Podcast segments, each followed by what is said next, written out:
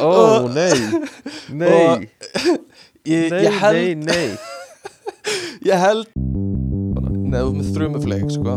Og hérna Já, 100% Nimbus 2000 Halló er eitthvað að frétta? Já það er ekkert að frétta. Já það er ekkert að frétta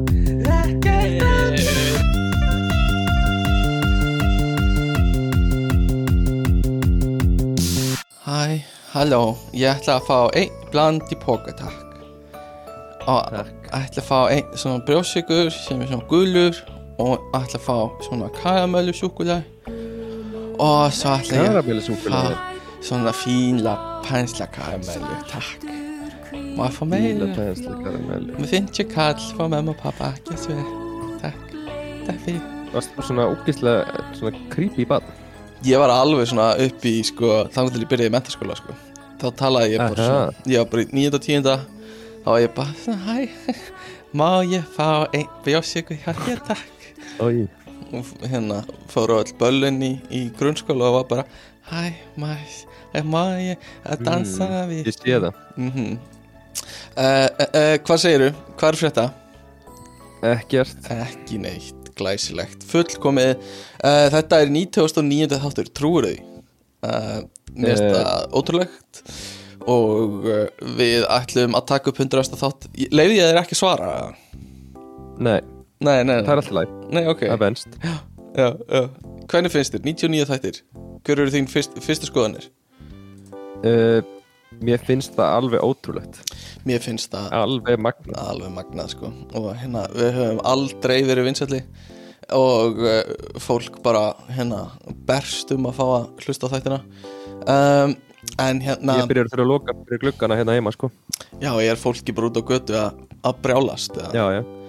Já, þetta er náttúrulega þetta er það sem þetta er svona slæma hliðin á fræðinni sem fólk talar ekki um sko. Það er, Nei, þú veist, um það er þessi stólkera hegðun sko og við fáum ekki nógu mikið svona já, við fáum ekki nógu mikið kredit fyrir hvað er erfitt að vera svona frægir sko um, en hérna uh, við erum að taka upp núna já, þátt 99 og þáttur 100 verður uh, svona uh, vonandi tekin upp saman á Íslandi um jólin og hérna ég, hann kemur ekkert í næstu viku þannig að það er spurning hvað við gerum í næstu viku hvort við spörum 100. þáttin uh, eða gefum út þátt 99,5 sem verður eitthvað svona eitthvað svona minni eða eitthvað, ég veit ekki. Um, en hérna eða, já, sjónvasefni gætum gefið út Strímum gætum strímað í næstu viku. Það er alveg möguleiki sko. Og hérna Overwatch 2 ko- 2 Tvö? Overwatch 2 er og þeir Watch 2 og já, við getum gert það. Ég, ég er alveg opið fyrir því. Og, og taka strími eða eitthvað í staðinn. Um, annars, annars ætlum við bara að hafa rólíkt í dag við hérna við ætlum að tala um uh, uh, skrítnar íþróttir uh, en Já, ákvaðum svo svona á síðustu stundu að, að svolítið svona víka þetta og gera svona bara blandi póka þátt úr þessu. Og já, komum bara með einhver topic og, og ætlum að spjalla um þau. Og svo bara færa okkur yfir í næsta topic. Uh, þannig að bara ekkert flóknar hérna- það já, já. Ég ætla að vara þig við því núna að ég gætust að rjúka í hurðina á Ok. okay. tíðbúnda með erum að taka upp þáttinn ok bara Ég það er nefnilega jólasveitin er að koma til mín sko.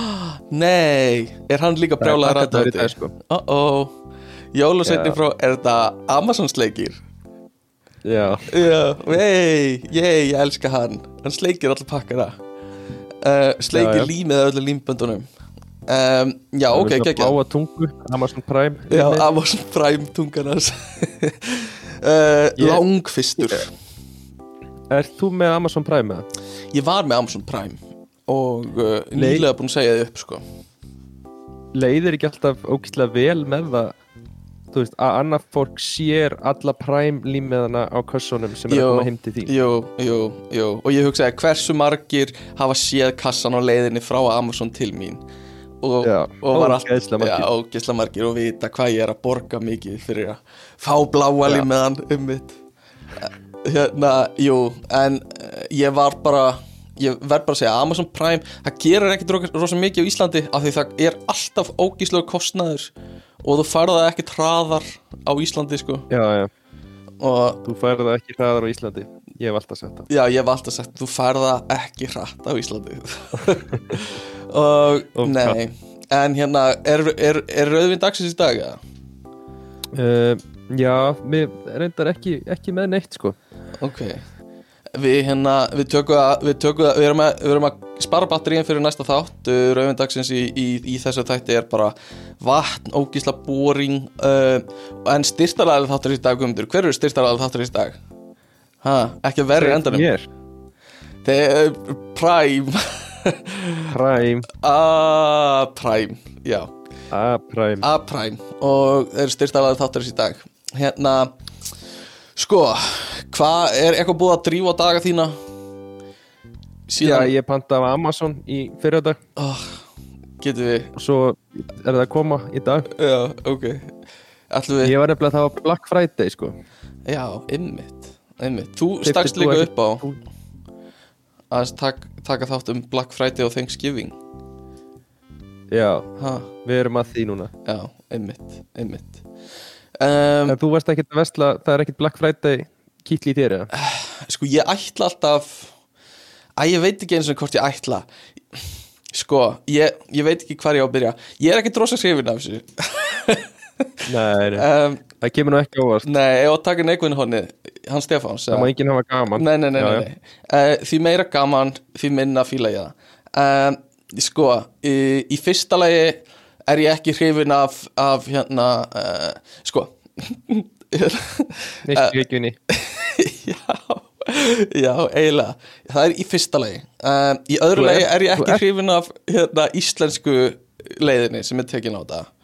Um, og það er bara þú veist, meikar al, eða, þú veist það er bara, íslensk fyrirtæki er ekkert að lækka verðið skilur við Já, það og ertu svona manneski sem fer og svona kroppar af límmiðana til að tjekka setur það svo á Facebook? Já um, en, en svona fyrst og fremst þá bara nefndi ég ekki að fara að reyna að finna eitthvað sem ég langaði segðu mig hvað þú varst að net, kaupa.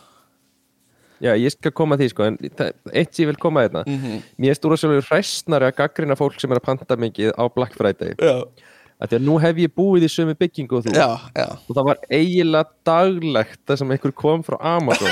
Það er bara eitt að drast. Það var bara einhver, einhverju nuttboltar eitthvað lóð eða eitthvað svona eitthvað baktæki eitthvað, það var, það var stanslöst. Amazon koma inn hjá þér.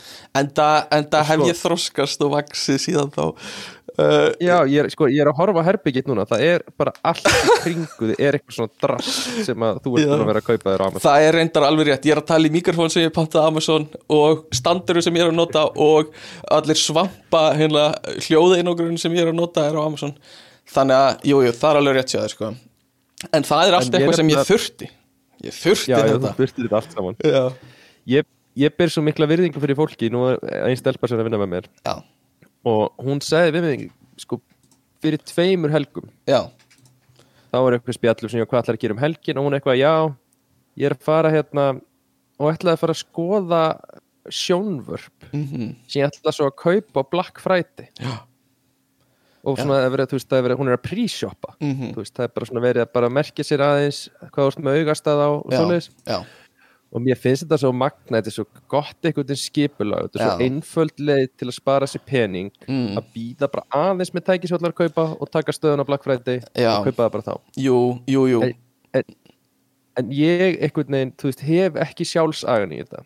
Af því að þegar ég fyrir inn á Amazon mm, þá er bara, þú veist, þegar, þegar ég er komin á Amazon er ég bara á bæn á takkanum allt og þetta er svona, ég skammast mín og ég vil bara einhvern veginn að, þú veist, ég kvíði fyrir SMS-unu þegar það kemur heimild var að veitt án korts mhm, 158.000 Já, þú veist, þannig ég vil einhvern veginn bara klára þetta af og ég íti bara bæn á, ég slekk á símanum og bara leiði þessu öllu að koma í gegn. Já, og svo er ég ánæður þegar pakka þetta. Já, ymmit algjörlega. ægi Það, það er það og, og þetta eru svona naskir neytendur. Það sem við, það sem við köllum naskir neytendur sem, sem fara og hérna þetta eru svona fólki sem mætum með coupons líka og svona stakkar coupons. Svona ég klift út fjóra og, og get fengið 30 kærlöks korflegs pakka á þú veist 5 dólar eða eitthvað. Um, sko, hefur ekki séð þarna hefur ekki séð extreme couponing? Jú uh, ég hef séð eitthvað af því á YouTube og mér finnst þetta Já. alveg mögnuð spesamenn á manneskjum sko. Þetta, Já, er svona, þetta er svona típur sem uh, en, en fyrir þeim og við höfum held ég rætt þetta áður er, þú veist, þetta er miklu meira en bara verðið. Þetta er, þú veist, þetta er sportið að já. kúpuna sko. Og þú veist, finna réttu kúpanuna og stakka þeim rétt og, og hérna, eitthvað svona og þú fæir einhver tilfinningu út úr því að að gera það sko Já, og svo er uppáhaldsmomentið mitt er þegar þú veist, þegar þú ert búinn að reikna í haustum á þér að þú eigi bara að borga 1 dollara Já, og varst að kaupa vörur fyrir svona 800 dollara. Mhm. Og svo kemur á skjáin bara nei, 2,50 og fólk fer bara í panik Já, það er bara, nei, þetta er ekki rétt bara, ég hef búin að reikna þetta saman ég, hef það með tvo svona og ég bara skanna þetta aftur. Já, já. Og svo næri það niður í það sem það búið að reikna þetta út. Oh. það var eitthvað smá, skannaðist ekki einn klósitpapirinn eða eitthvað.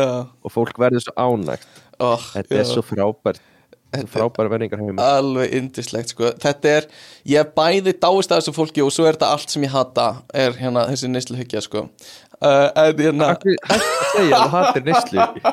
Þú uh, já. Hættu því bara.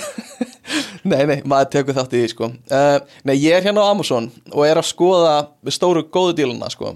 Það sem ég er ekki hrifin af er þegar íslensk fyrirtæki er að bjóða þú veist 5% afslætt eitthvað svona eins og þau Já, já. ætla að taka þátt. Af því það er bara rosa Ísland að, að, vilja taka þátt en taka ekki þátt alla leið. Skilur þú, þú átt að gefa þú veist 70% afslátt eða eitthvað. Um, að mínu mati. Og uh, hér er ég með dýrindis buksur sem eru á sko 70% afslætti á, á Cyber Monday.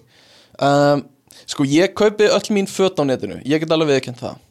Og hérna uh, ég kaupi þau á, á, á henni merku síðu asos.com og, og uh, ég er þarf svona ákveðna stærð af buksum sem er ekkert seldar allstaðar og hérna ég uh, uh, neittist til þess að kaupa um daginn, mér langaði svartar gallabuxur til þess að vera eins bara svona falla eins vel inn í hópin og hægt er. Bara einföldustu típuna. Boxcut. Já, og boxcut, bara eitthvað sem er mjög einfalt. Og uh, eina sem ég gat keift voru svartar gallabuxur sem voru með svona rifum. Svona töffara rifur á buxunum og voru líka svona eld eld svona já, rákir já. og hérna ég hérna hef ekkert um annað að velja því allar aðrar buksur hjá mér eru komið með gati klófið og uh, það er ekkert mjög professional að vera með gati klófinu sko. þannig að ég gatið, fá, þú veist, í lærin eða já, og lærin og alveg upp í spöng sko.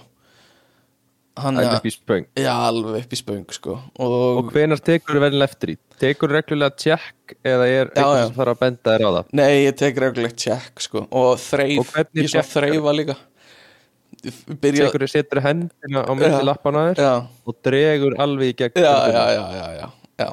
Þetta, Já. er, þetta er svona move Classic. sem ég hef þróað með mér um, og hérna uh, en sem ég neittist til að kaupa svona töffara galabug sem er rifum framan á lærunum og Ok. þetta er bara ekkert ég. En núna hef ég þurft að ganga í þessi í nokkra daga. Og uh, En hv- það sést alltaf í Já. læri mitt sko. Og ég fer ekki rosa varlega í buksur þannig að ég reif rifuna ennþá meira. Þannig að nú er hún Ah. tölvöld stærri heldur en hún, var.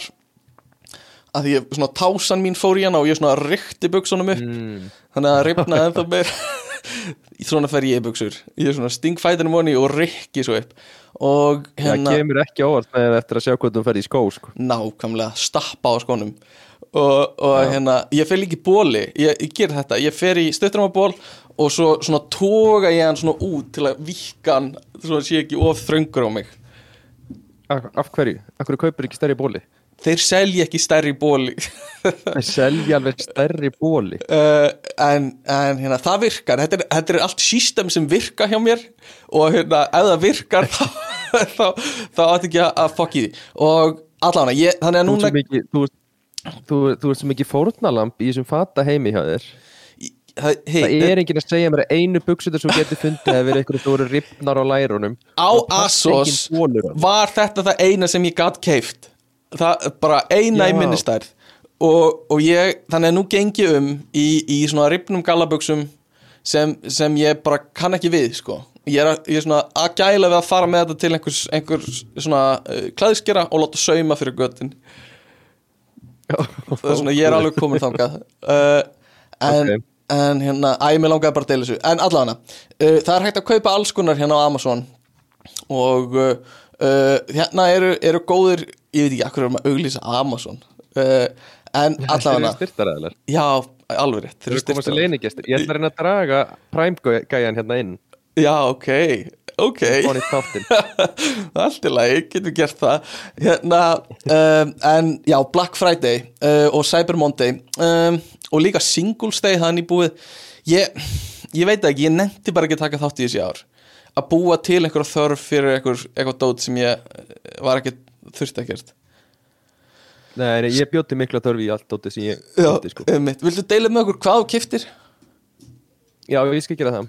Ok, um, Fyrsta lega kifti mér hérna Sony uh, eitthvað tvöfald af HX M, MX4 eitthvað, heyrnatólin sko, en sko litlu Airpods típu heyrnatólin Ó, ok. Uh, voru á 40% afslætti. Ok, og æðislega því ég er nefnilega lendið um daginn að týna Airpodsuna mínum já, og, og ég komst að því ég get frekar kift mér þessi Sony heyrnatól ok. Sem eru, þú veist, eiga að vera bara mjög góð. Já, og ég get frekar kipt með þau heldur en að replacea, þú veist að því ég á boxið af Airpodsuna mínum en ég týndi báðum báðum tólunum, Ég því skil. að boxið datt í gólfinu og þau hurfu. Ok, þannig að, þannig að já, og það kostar 110 eurur að fá Mm. eitt Airpod. Eitt, eitt, Air AirPod. Mhm.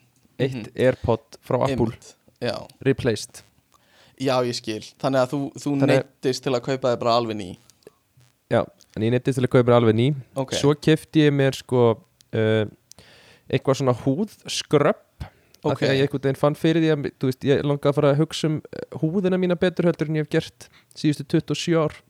Já, ok, já, þannig að ég ætla að byrja að nota það Já. og svo geti ég mér rakvél. Já Þetta er allt hlutir sem svolítið- þarft. Mm Já. Og ég kefti mér, og það er nú kannski eitthvað sem ég svolítið að tala um. Ég kefti mér hérna skeggólju Ah, einmitt, einmitt. Og ég fann þegar það var mjög erfitt fyrir maður að kaupa skeggólju Já, af því að ég, það var eitthvað á hausnum sem sagði við mig þú mátt þetta ekki, ah, þú ert ekki nóg, þú ert ekki nóg mikill skeggkall til að Nei. eiga skeggólju Ég skil, einmitt. Tengiru, þú veist Mm. það er eitthvað svona, það er held ég hræðsla fyrir kallmenn hvenar máttu kaupa þér skeggólju Mhm. því þú veist með nógu einhvern veginn, mm þú veist Einmitt. yfir nóg gott skegg Nei, ég skil þig, sko Hérna, hefur þú eitthvað pælt í líka að sapna aðeins meira? um, já, já ég, og ég hef nú alveg verið með alveg svona smá meira Mhm, mhm en sko, mér finnst það oft verða svo, svona, svona, svona hvað segir maður, stamt og þurrt Mm. og svona eitthvað, þá Mhm. fæ ég leiða því sko þá- ég var að hugsa að já. skeggólja myndi lefa mér einhvern veginn að svona, því myndi líða betur húðinu Mhm. minni myndi líða betur Já. og kannski getum við einhvern veginn myndað eitthvað samband þarna sko Já, sko, ég held að þú sért algjörlega á þeim stað að það sé löglegt fyrir að kaupa skeggulíu, sko um, En, en ég, ég skil líka alveg hvað þú meinar, sko Og hérna, skeggulíu er eitthvað sem þú færð oft í gjöf, sko Og, og, og að, mi- að Já, minni það er reynslu enginn að gefa mér skeggólju Nei, af minni reynslu, þá er þetta svona eitthvað uh, Eitthvað svona, heyrðu, Stefán, hann er með skegg. Hann vill örgulega fá skeggolíu Og ég hef fengið þrjá Já. skeggolíur gefins í gegnum tíðina. Um, Já, Þannig að þetta er svona go to gjöf fyrir þá sem eru með skegg, sko. En ég hef í raunin aldrei nota skeggolíu neitt, sko. Hefur ekki, jú, hvað minnur ekki þannig einu viti hún það verður svona ólíukent og, og eitthvað svona og, og þegar þú svona snertir að þá færður svona skeggolí á puttana og eitthvað svona þannig ég hef aldrei eitthvað mikið verið í því að nota hana sko Já En það Eh. er þitt svolítið svona eins og grenitrí já, það er Og það er- stammt. já. og ég sko uh, ég var að horfa gamlar myndir af mér bara síðan fyrir kannski hálfu ári eða ári eða eitthvað og þá var það alveg verra en það er núna sko. Og ég hugsa bara hvernig Já, já. leif, hvernig, hvernig leifði fólk mér að gera þetta? Uh, Já, Alltaf lefði þeir öruglega enginn að gera þetta á þeim tíma heldur. Nei, sannlega ekki. En, en ég, ég ætla að fara í svona jóla skeggsnýrtingu fyrir jólin. Svona Þú ert nefnilega að byrja að vera alltaf í skeggsnýrstingu Já, mér finnst það mjög næs sko. Þú ferði í svona tannleikna stól og það er nostra við skeggja á þér og þú finnur andadráttina á manninum í eiran á þér og eitthvað svona er Og er þetta, setur hann ekki ólíu það? Uh, hann setur stundum olju ekki alltaf, jú en oft sko. Oft gera Ok. hann það. En ég, ég endur nýja það ekkert mikið sko. Uh, leifi Nei, bara svona að lifa. En, en hérna, jú sko skegg, hvenar hérna má maður kaupa skeggolju þú veist það er alveg statement að vera með svona híjung og, og vera alltaf að svona bera á sig skeggolju sko það er alveg smá fyndi típa sko uh, hérna Uh, ég, Já, já, það ég er- svona og þannig að það gljáir bara svona á húðina þína af því þú ert eiginlega ekkert með skegg sko. mér finnst það alveg fyndi sko. uh, og ég ætla ekki að banna neinum að gera það sko. og líka að þú ert með híjung bara svona aðeins yfirvara skegg mottu einhverja og tekur skeggjáli og svona berð bara á yfirvara skeggi eitt sko. mér finnst það líka alveg Já, fyndi já. sko. svona blöyt efrifur já, svona blöyt efrifur mm. það er svo gott sko. En þetta er ekki, þú veist, þetta er ekki skeggóli Ég hef ekki séð mikið að kallmönnum nota skeggóli nei, Þetta er ég eitthvað veit sem ekki gerir einhvern veginn bak, þú Hvar veist, ættirðu að Þú sjá gerir þetta bara heima hjá þér. Eða kannski í ræktin eða eitthvað.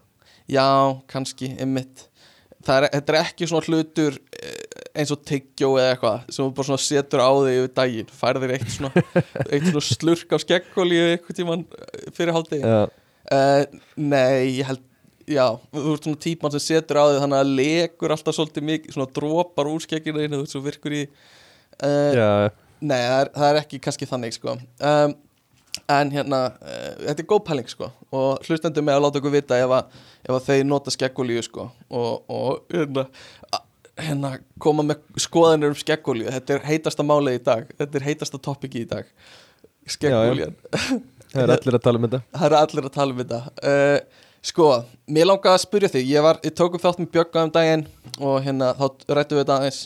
En, en þú ert svona Þú ert, hvað ég á að segja Rödd jákvæðninnar í þessu podcasti Og svona rödd, rödd góðaskapsins og, og jólana Myndi ég líka alveg segja uh, ok En hérna, bara svona eldsnögt frá þitt teika á þetta Ég sem sagt sá, uh, var 20. november að labba henni í hverfinu mín í Fossvæðinum Og uh, það er svo góður andi í Fossvæðinum en, en hérna, var að labba í Fossvæðinum og leitin í hús Og sá inn í stofuna þeirra Og inn í Já. stofuna þeirra var bara huge ass jólatré Sem var búið að skreita frá toppi til táar Þú veist, þetta var alveg Já. svona big ass dót sko og þú veist það var alls konar skraut á þessu og eitthvað uh, og það var 20. november Já, Og, uh, því, þetta fór alveg mjög vantilega þetta fór alveg, ég bankaði upp á og ég sagði, ég er komin með nóg og svo fór ég inn og tók niður jólatri nei, en þetta var alveg svona, alveg svona mm, greinilegt að þau tóku fjölskyldustund í þetta 20. november fyrir 20. november, einhvern tímann og skreittu allt jólatrið sem verður núna í tvo mánuði uppi hjá þeim á stofugólfinu. Uh, Í tvo mánuði? Já, ég meina þau skreittu þetta einhvern tíma fyrir 20. og þau taka þetta niður einhvern tíma í janúar. Þannig að alveg svona tæpir tveir mánuðir. Um, Já, þannig að ég hver bara, þú veist alveg Já. Þú veist alveg að ég bara stið þetta bara algjörlega. Ok, en hvenar er ofsnemt fyrir Guðmund? Og snemm, Já, oktober, ég myndi segja fyrri helmingur november fyrir helmögur november ok, Þau eru alveg svona, ég get alveg viðkjönd það Þau eru á, á tæpastavæði sko. Já, já, já. Ok, uh, mér langaði bara Ég- að fá smá svona input á þetta.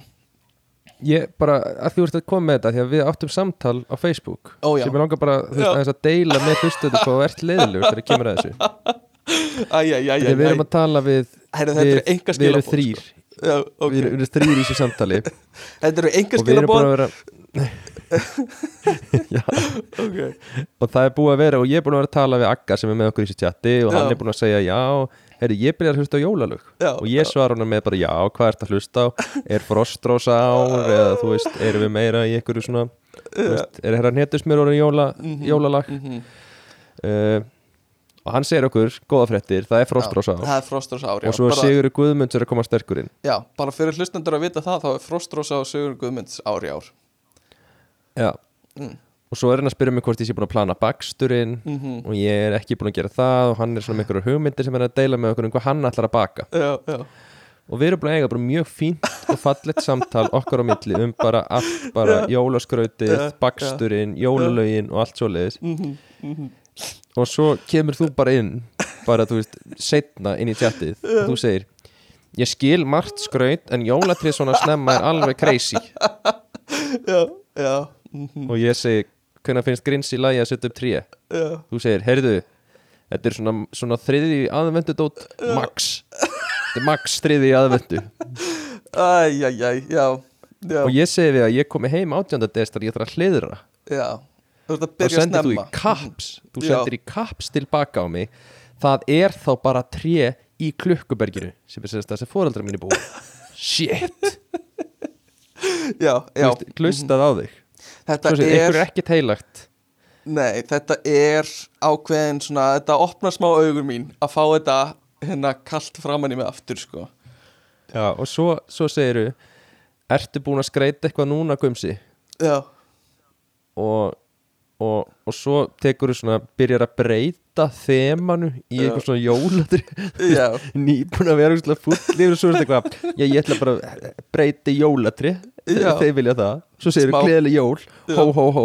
Smá passiv-aggressiv Já, örlítið. Já, og svo segir þú, ertu byrjað að opna pakkana? Þú veist, svona er bara samskiptalíran hjá þér. Já. Já, Já. já, já, já, Og þú segir, keift mig líka páskaðeg um helgina. Já um, Það er ákveðin svona Já, þetta opnar smá augum mín að fá, fá þetta í andlitið sko. það ekki? Jú, sko, já. Um, Jú, uh, ég veit ekki hvað ég á að segja. Uh, uh, Þetta fór bara svolítið gegn minni svona siðferðisk hend að, að vera svona Já, snemma það í þessu. það er Eh. svo margt sem fer gegn þinni siðferðiskend en það má bara ekki hafa gaman. er þetta, því að, þetta því að þú átt ammali í desember Þetta er svolítið það, sko. Uh, að leiðið eins og Já, að sé að vera að taka jólinn fram yfir ammæli mitt, sko þið byrjið of snemma. Já, þetta var svona, það var engi byrja, það var engi byrja að fagna. Þegar þið fagna ammalinu mínu fyrst. Í rauninni, sko. það? Það gæti alveg verið, ég á ammæli 16. desember og eftir 16. desember þá tekur jólatímabili við sko. Þannig að, Já. að fyrir það er þú veist, er, á maður að fókusa bara á ammæli mitt og hérna já, já, og eftir það þá mega jólin svona taka yfir sko.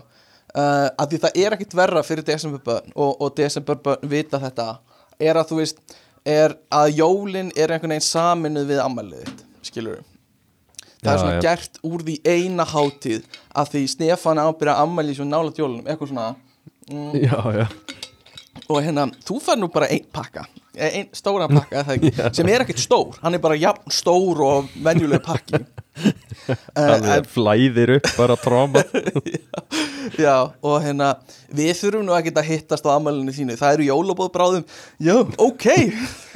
Þá ætla ég bara ekki að hitta þig í sumar þegar þú átt ammæli um, Nei, hérna uh, uh, það er 17. júni bráðum við getum bara hist á. Um, þannig að, að það gæti verið eitthvað svo leið sko, að hérna já, já, að ef þú ert byrjaður of snemma sko, þá, þá sé ég að fókusun er að færast frá ammælinu mínu yfir á, yfir á jólin sko.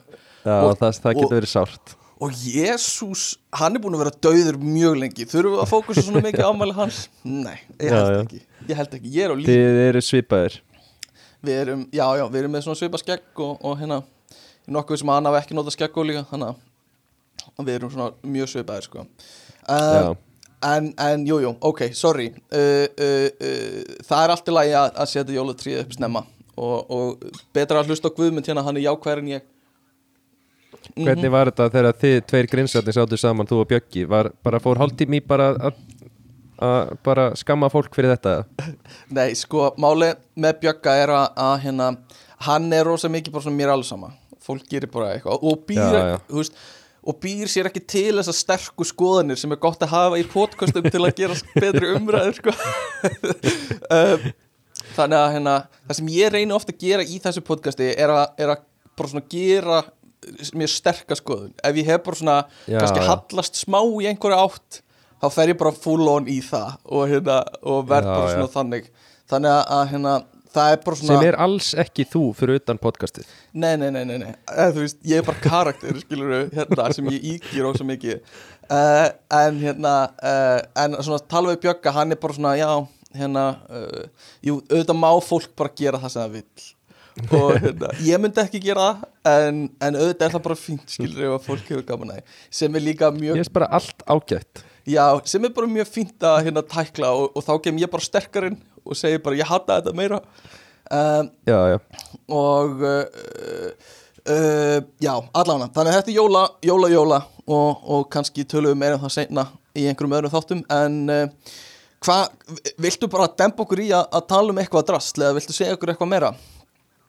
nei, nei, ekki bara Jú, Eitthvað. Að ég hef rosa lítið að segja úr mínu lífi, sko, ég er náttúrulega nýbúin að taka upp annað þátt, sko, ég hefur ekkert mikið gerst. Uh, en hérna, við ætluðum að tala um skrýtnar íþróttir. Já, og það er alveg topic út af fyrir sig. Þannig að svona, eh, hvað er skrítin íþrótt? Hvað er eðlileg íþrótt fyrir þér? Getur þú nelt það eitthvað niður? Sko uh, er, þú veist, er ekki allar íþróttir solti skrýtnar? Þetta er náttúrulega svolítið skríti bara þing að hérna, búa Já. sér til eitthvað, eitthvað verkefni til að leysa og, og, hérna, og gera það einhverju svaka þingi sko. já, já. Mér veist íþróttir, þær þurfa solti að vera cool. Mér veist íþróttir verða rosa skrýtnar þegar þær eru svona astnalegar já, þú veist, eins og Quidditch er ógislega astnaleg íþrótt já, já, vá. Uh, sko uh, maður þarf að passa sig hérna. Uh, að því sko í rauninni eru allar Vá, ég særi alveg 20 manns á Íslandi. Já, í rauninni eru allar íþróttir skrýtnar að þú hefur ekki séðar á, þú veist, ef þú myndir sjá fótbolta og fótbolti væri ekkert til þá ertu bara, hva, hvað er þetta? Þetta er bara, þú veist, þetta er alveg Ok, ég er skrítið þetta Ok, ég er þetta sko því ég hef ekki séð ég hef ekki séð Quidditch leik þing. Já, Hefur þú séð Quidditch leika? uh, já, ekki all, heilan, ég hef séð svona brot úr þeim Já. Er, er, þú veist, er, er fólk á kúst eða? já, e, já. Ok. Sko, og, Og er, það- er fólk það með svo- skikju? Uh, ekki viss um það sko en hérna við erum líka að gera smá grundvallar uh, uh, mistök sko þetta heit þetta, við eigum að kalla þetta muggle quidditch sko uh, af því Á, já, það er svo miklu nettara. Að því alvöru quidditch er á sko töfrakústum en þetta er muggle quidditch þar sem þau halda kústskafti í klófinu sínu og hlaupa um með það í klófinu Þú veist, ertu ætlar að reyna að segja mér að þú veist það sé bara skrítið að því að við þekkjum það ekki? Hmm, hmm, sko uh, það er erfitt að segja uh, já ég, nei, kannski ekki. Þú veist, krulla. Ég myndi ekki halda að það veri Já. alvöru íþrótt með eitthvað kústa og eitthvað svona.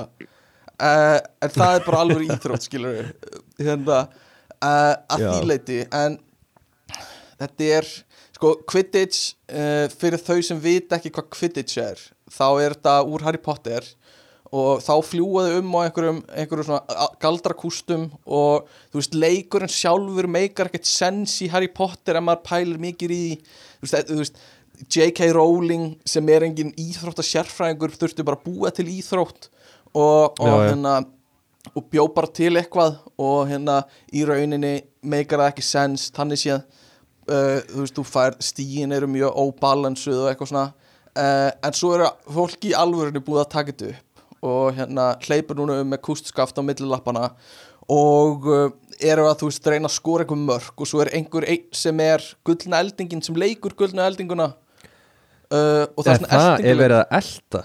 Já, já, já, og það er svona eldingaleikur og hérna, og það er Snitch Runner og hann er uh, í gulum búning eða ból og hérna hann fær leifi til að fara eins langt í burtu frá vellinum og, og hægt er en það er, ekki, það er ekki leifilegt að klifra tré eða byggingar Hversu ógeðslega erfitt Pældi að keppi sig íþrótt og Já. þú ert gullna eldingi Já. og eina sem þú gerir er bara Herðu, byrja þú að hlaupa og ekki Já. láta ná þér Já, það er bara þannig og þú mátt bara fara eins langt í, í burtu og getur sko bara hlaupið til, þú veist, Selfoss eða eitthvað og um, vinnur eitthvað leikin ef það ná gullni eldingunni eða? Já, og þá færðu held ég 150 stig en þú fær bara 10 stig eða eitthvað fyrir að skora mark skilur þannig að, að hérna, þetta er svona smá unbalansað hvað hva það gefur mikil stig sko. eða þú veist, þú vinnur ekki leikin en leikurinn er búinn þegar gullnu eldingun er náð. Skilur skilur um, ok, þannig að, að Quidditch, jú, það er skrítin íþrótt. En af hverju er hún skrítin? bara af því hún var fundin upp seinna eða, A, nei, að því þú ert með kústskaft á milli lappana sem þú ekkert að gera. Og þú ert að tengja það við að þú sérst að fljúa já, já, og ég get lofaði því að þetta Quidditch lið það út í bæ já. er að kaupa og eyða peningum í einhverja ákveðna kústa til að vera með villi lappana. Það gera já, ekkert fyrir því. Þú veist, þú ert ekki bara með eitthvað svona bara svona eitthvað sandkúst á milli lappana Nei, þú ert með þrumufleik, sko og hérna, já, 100% Nimbus 2000 Nimbus eftirlíki. 2000 Já, einmitt. Uh, En hérna ég er með lista yfir svona alls konar skrýtnar íþróttir. Og mikið af þessum íþróttum eru eru ekki það skrýtnar. Uh, eins og, þú veist, Ultimate Frisbee. Þetta er bara svona kannski aðeins svona jaðar íþróttir sem eru ekki þær vinsulustu uh, Hefur þú séð Ultimate Frisbee? Já, ég veit vinn hérna úti sem keppir í þessu. Já, þetta er svolítið svona nörda prógrammer íþrótt, finnst mér, sko. Já, já, það er líka Mm. ekki dómari. Ha, það er Hvað ekki með dómara. Eru ekki með dómara? liðin hérna keppa bóti ykkur öðrum og Já. þetta er bara svona einhver herramanna sáttmáli það er ekki dómari heldur þið bara svona bara það gerist eitthvað og þið ræðið á milli liðana bara, var þetta brot eða?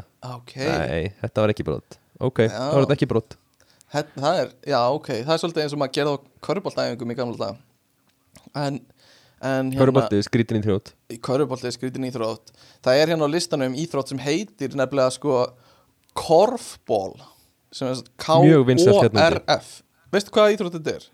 Já, þetta Korfból. er strákar og stelpur spila saman Þetta, og karfan er ekki með spjaldi Já, og er bara í miðjunni. Já, og, Og- þetta er, og þetta er hérna- sko mjög stórt hérna í Hollandi sko. er það, það er magna Ég eiginlega, held ég aldrei séð þetta áður. En hérna, já, það eru strákar og stelpur. Það eru fjóra stelpur og fjóri strákar. Stelpur mega bara dekka stelpur Og strákar mega bara dekka stráka.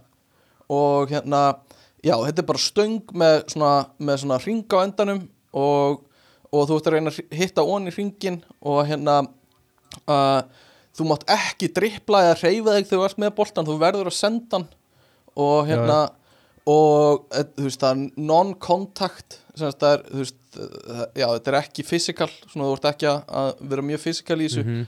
og já, þetta er bara eh, svolítið, lítur svolítið spes út sko. Uh, þannig að þetta er alveg smá skrítin íþrótt. En magnaða hollendingar séu svona mikið í þessum skrítni íþróttum.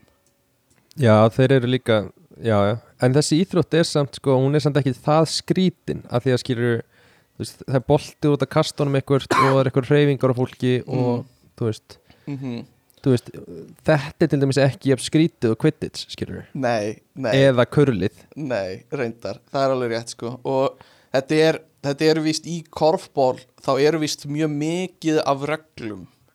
Og þú veist, við gætum útskýrt leikinn svona í grófum dráttum en svo er svona endalust að einhverju svona alls konar reglum sem þú veist uh, gilda í íþróttinni uh, þú veist, það má Já. ekki skrína til dæmis, og maður ekki gera svona hindrun fyrir manneskjur og eitthvað svona. Uh, Já, ok. og alls konar svona litlar reglur. En uh, er ekki bara, þú veist, er ekki það er samt svolítið gaman þegar getur um íþrótt sem að bæði strákar og stelpur geta einhvern veginn spila saman. Já, uh, án Mhm. þess að sé eitthvað disadvantage út af hæð og já, það er vöða alveg styrka eða eitthvað. það er alveg svolítið áhugavert sko. Og hérna bara sniðugt sko. Að hérna Já. kemur ekki á óvart að þetta væri ný íþrótt sem var svolítið hönnuð með það í huga að, að hafa Já, bæði saman sko. Um, þetta er svolítið eins og hérna, íþróttin með þarna, trampolíninni í miðjunni og þú ert með eitthvað svona tennisbolta. Já, já. Hefur þið séð það? uh, ég, ég held það en, en það hljómar eins og eitthvað. Já. Uh, Þú veist, ef þú er ekki séð þetta, þá þurfum við ekki að ræða þetta. Ok, ok uh, kannski, kannski hérna fyrir við yfir það eftir. Önnur íþrótt sem ég finnst svolítið spes en mjög töff líka er sagt íþrótt sem er vinsælið Suðaustur Asju og heitir Sepak Takraw. Uh, ég veit ekki hvort ég er að bera þetta fram rétt en er í rauninni Ok. kick volleyball. Svona fótabla. Já, mjög cool. mjög cool að horfa á hana. Af því þá ertu með bara svona basically blagvöll uh, nema þú máttu ekki nota hendur og liðin með ekki nota hendur til að blaka hérna boltanum yfir heldur nota bara líkamann og fæturna sína. Og eru bara að taka veist hjólhestaspinnur og eitthvað bara sparka boltanum yfir. Og þetta lítur svolítið út eins og bara við eigum ekki að geta gert þetta.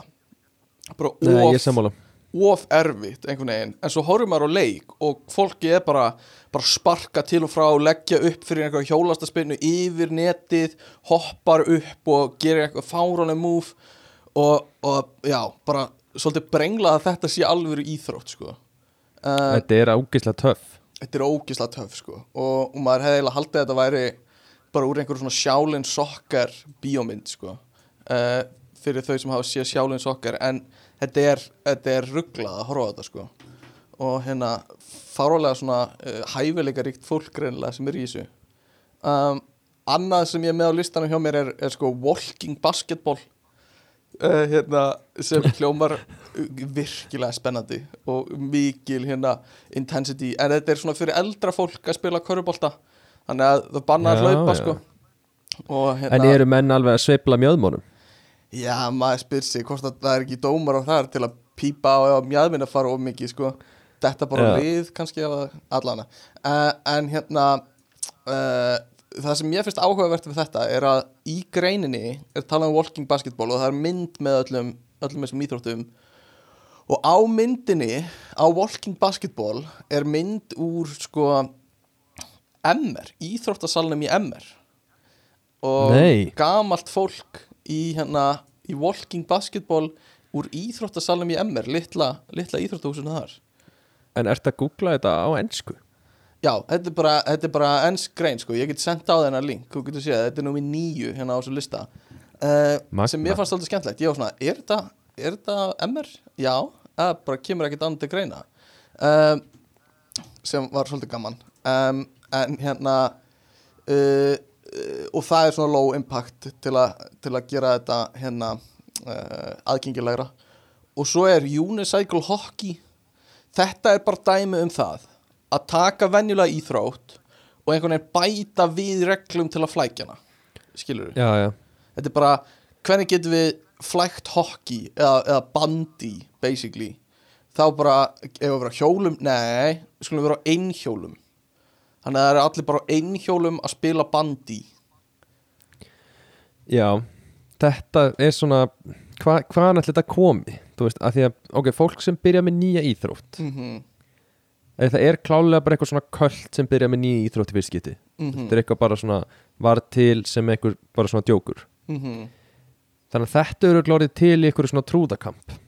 Það gæti alveg verið sko, bara allir eru já. einhjóli og þeir eru eitthvað hei, spilum leik og verum öll á einhjólun okkar. Koma keiranda á lítilli bjöllu svona bíl og fara svona 17 út úr bílnum og taka allir einhjólu sitt með uh, já, algjörlega. Uh, en númið þrjú á sem lista hjá mér er sko handból eða hand, bara handbólti að það er talið um að vera skrítin íþrótt uh, allstar Aha. á mörgum öðrum stöðum sko. Og hérna, það er reyndar svolítið skrítin íþróttu og pælir í því. Já, smá sko. En, en rosa svona mér finnst hún algjörlega í sama kategóri einhvern veginn og fótbolt og körubólti sko þetta er svona rosa svipaðir íþróttir fótbolti, körubólti og handbólti Mér finnst fótbolti ekkert skrítin, ekki neitt við hann. Vá, vá, mm, áhugavert. Besta íþróttin, engar aðrar. Er fótbolti besta íþróttin? Fótbolti er, ég held að minni dvína áhugin á fótbolta. Hann Ok. er, við erum einhvern veginn held ég að missa aðteklina í að fylgjast með fótbolta. Heldur það? Ég held að iPad kynnslóðin muni ekki nenn að horfa á fótbolta af því að við bara höfum ekki Mm. nennuna í að horfa á 0-0 leiki sko. Já, það er alveg góð pæling sko Það er spurning samt hvort að leikurinn breytist þá verði, þú veist, fjórir hál, hérna, svona kvorters eða eitthvað stittri atrennur uh, Eina af aðalástafanu fyrir að þetta er ekki vinsalt í bandaríkjunum er náttúrulega bara hvað eru fá auglýsingarlíða sko um, Já. þann, Þannig að ef myndu breyta því eitthvað þá myndu við kannski komast inn á bandaríkjumarkað sem myndi hafa mikil áhrif sko uh, Þeir eru náttúrulega samt alveg að komast massíf þangað inn sko. Bandaríska deildin er búin að vera að stækka mikið og þeir Já. eru alveg að reyna sko. já, en það er líka núna rosa klassist að bandarískir eigendur eins og bandarískir eigendur sem kefti Chelsea já, og hann kemur beint inn og hann er bara yeah, we need to monetize this sport a lot Yes. more já, já. there's so much opportunity in it we have to advertise our players þetta er allt bara svona Yes. allt fyrir að snúast um peninga, auglýsingar já. gera þetta kvikmyndastjörnum gera, þú veist, Einmitt. fjölgar lífum þú veist, þetta er allt fyrir, það fyrir allt þangað um leið og bandaríkjumenn Takk algjörlega yfir. sko algjörlega og, og hérna en sko máli við fótbolta er einhvern veginn hvað hann er aðgengilegur fyrir alla og það er óneitanlega ástæðan fyrir því að hann er svona vinsæll allstaðar er þú veist þú þarft ekkert til að vera barn og leika sér í fótbolta þú veist og byrja að æfa nei. eins og í körfubolta þarftu þarftu körfu, Körfu. fyrir handbolta þarftu eitthvað stað til að geta dripplað bolta og eitthvað svona um, en í fótbolta þarftu bara þú veist grasblett eða, eða moldarblett eða eitthvað getur nota steina sem markstangirnar og svo þarftu bara Já. eitthvað til að sparka í þú veist það, gott eða bolti en getur líka bara verið næstu í hvað sem er sem þú getur notað til að byrja.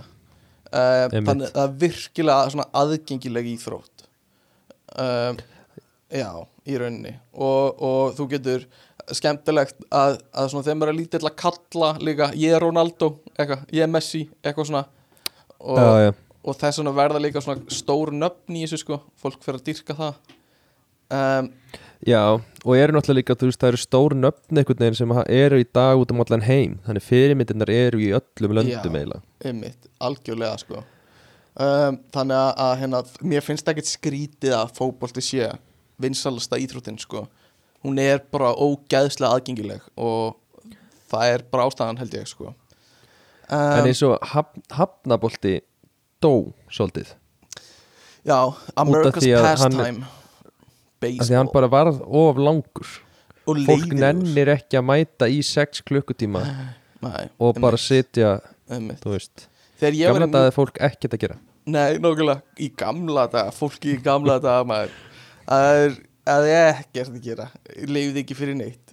Uh, ég, þegar ég fór til bandarækina fór ég á, á hafnaboltaleik um, og við fórum bara áður en hann kláraðist skilur ég held að flesti gera Já, það. Mætu og horfa á fyrstu þú veist, kannski þrjár eða eitthvað innings og farið svo.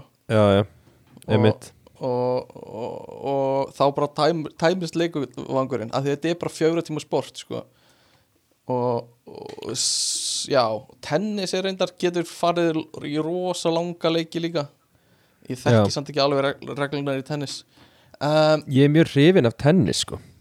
Já, mér finnst tennis eitthvað það er svo, það er svo, veist, það er svo töff já það er ekki að geta spila bæði kyn geta alveg spila þú veist, svo, þú veist svona recreational, ég er mjög auðvelt að taka upp tennis með Mm. mm. kæristunniðinni mm, eða konunniðinni, mm. eða einhverjum uh, en tennis eitthvað, þú veist færð að skjóta svo fast og hlaupa svo mikið og færð að Mm. öskra og eitthvað svona, veist, það er svo mikið Já. svona má ég heyra þitt besta svona tennis Hö! já Ah! Ah! Eitthvað svona, já. Þetta tek ég alltaf, já, Þetta er glæsilegt. Já, tennis er svolítið töff sko. Uh, En það er íþrótt sem ég finnst líka alveg megasens Eða þú veist, hún er ekki svona rosa skrítin. Það er bara, ég veit ekki hver er svona munurinn á skrítin íþrótt og ekki skrítinni En mér finnst tennis bara eitthvað svona, já, auðvitað er tennis til. Uh, Ekkert ósvipa golfi Mér finnst alveg svona, já, megasens að golf sé til. Um, já, já, en held ég, er það ekki? Megar golfi ekki alveg sens. En þú veist, tennis er bara, þú ert með einhverja kilvu og ert að slá yfir til hins og hann er að slá á móti, bara einfalt og já, já. svona hugsunin er rosa einföld sko. þetta er ekki eins og samt golf já, þetta er ekki eins og hockey nema á einhjóli eitthvað svona, það er rosa Já, langsótt íþrótt eitthvað. Já. Mér er samt, ég væri til að vita hvernig golf þróaðist. Þannig að þú veist, ef ímyndar golf væri ekki til mm, og ég myndi segja við, herru Stefán, ég er með leik. Mm hérna er hérna, hérna hérna er eitthvað til að slá þessa Mhm. litlu kúlu. Mm og ég ætla að búa til alveg pingu litla hólu Já, fyrir þessa já. kúlu. Já, í, þú veist 500 metra fjarlæg frá því það sem við erum núna. Og þú átt bara komin í þangað.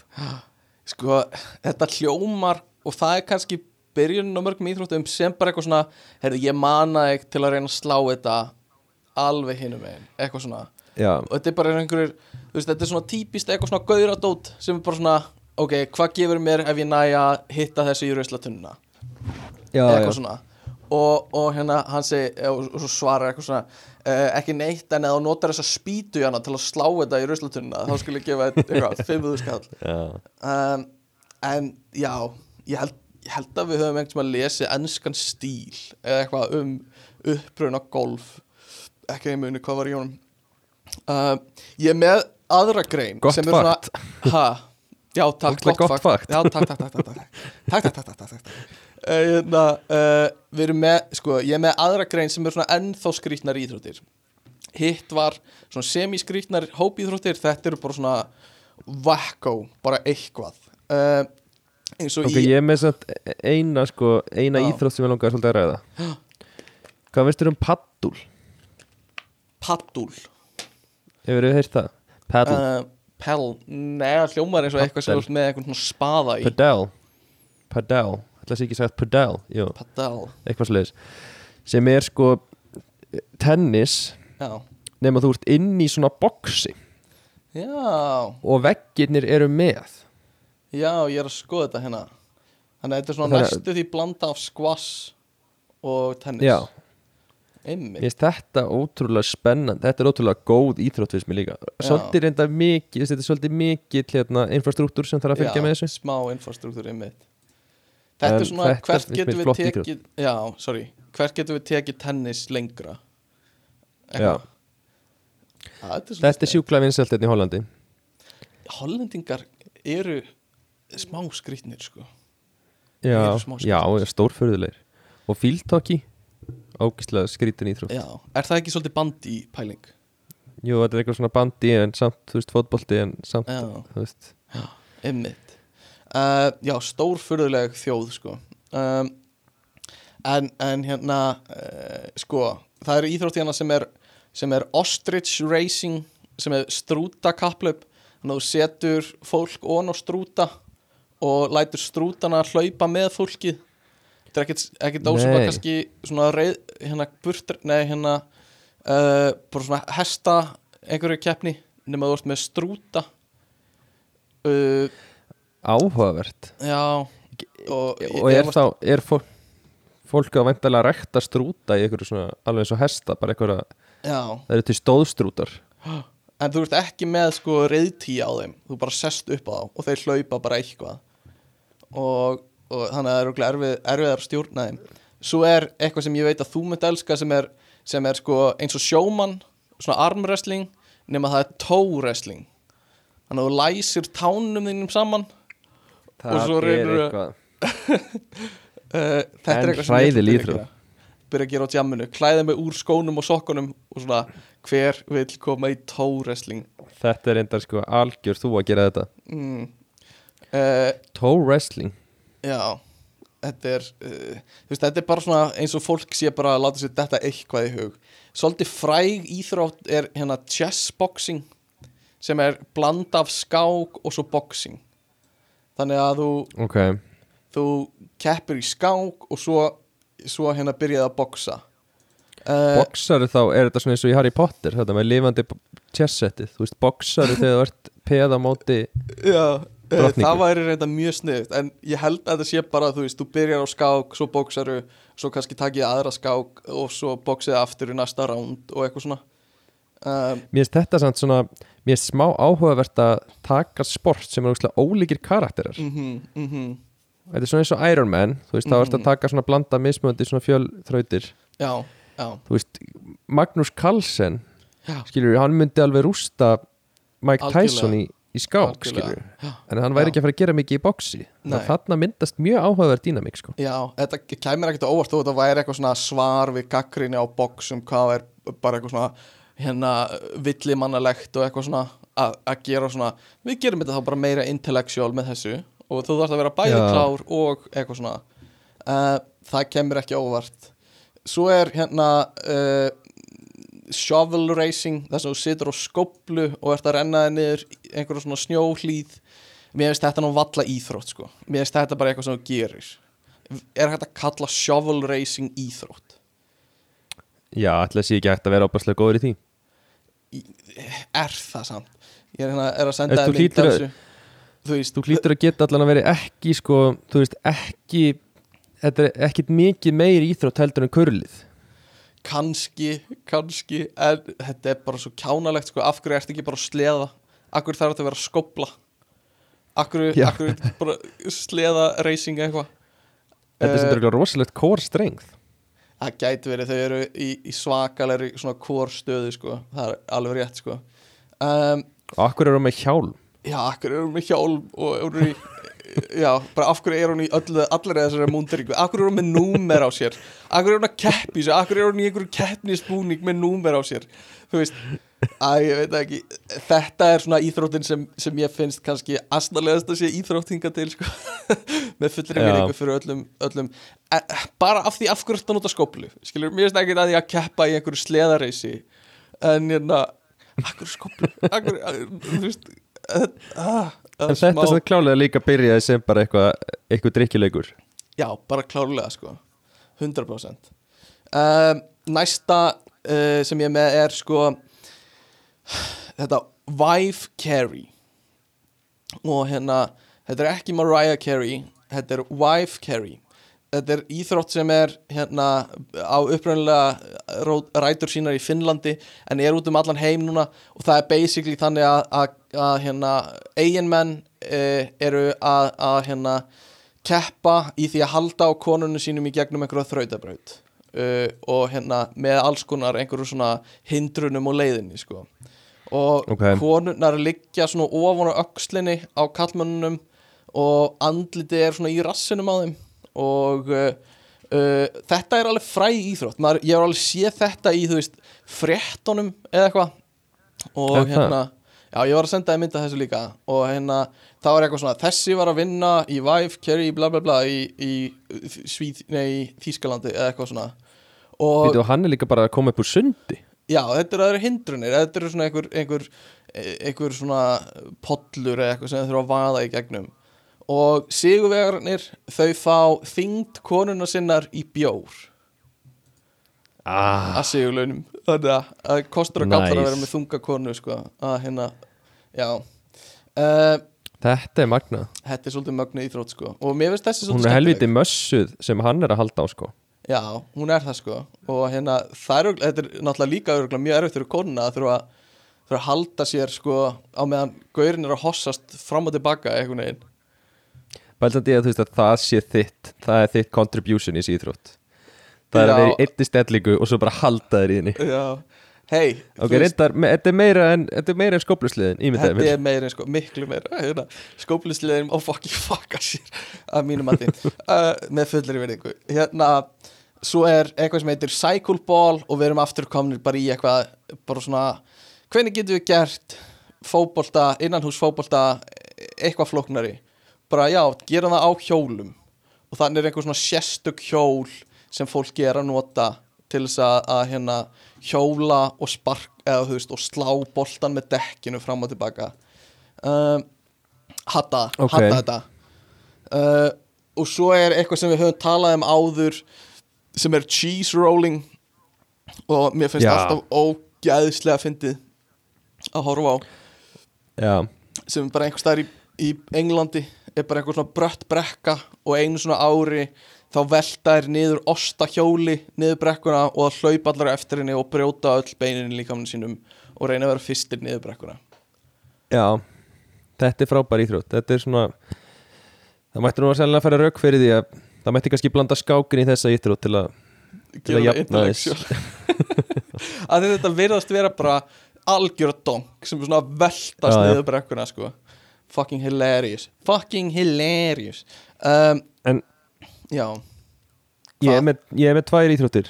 Já, Sko, þú veist, stundum er Það er líka bara gerð íþrótt úr öllu sem á bara að vera drikkilegur já, Eins og beer pong. Já.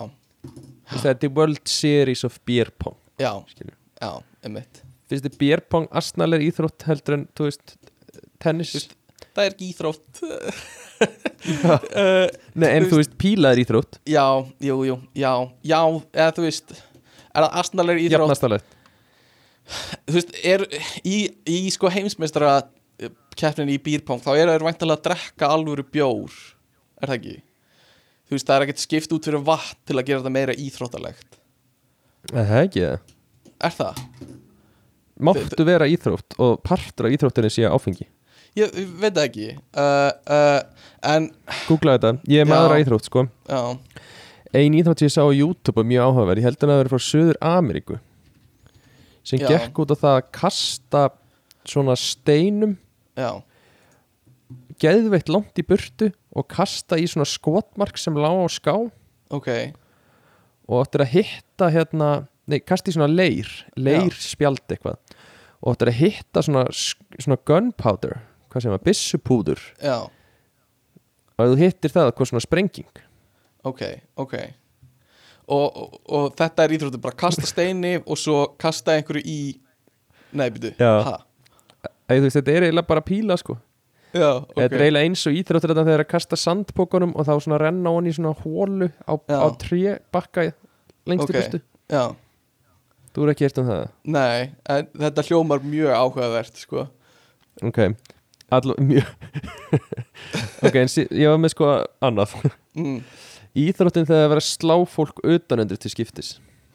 Já, æ, guð mig góður. Maður sér þetta ofta á internetinu Eitthvað svona klippur á þessu.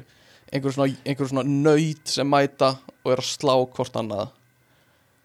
Já, og mér finnst þetta er svo magna því að þú veist, þetta eru gaurar sem eru bara hnausþykir Já, já, Þannig að þú veist, þú ert búin að leggja alveg sko massa vinnu í það. Já Og svo af öllu sem þú getur gert þá velur er að þetta sé eitthvað sem þú verður ógslag góður í.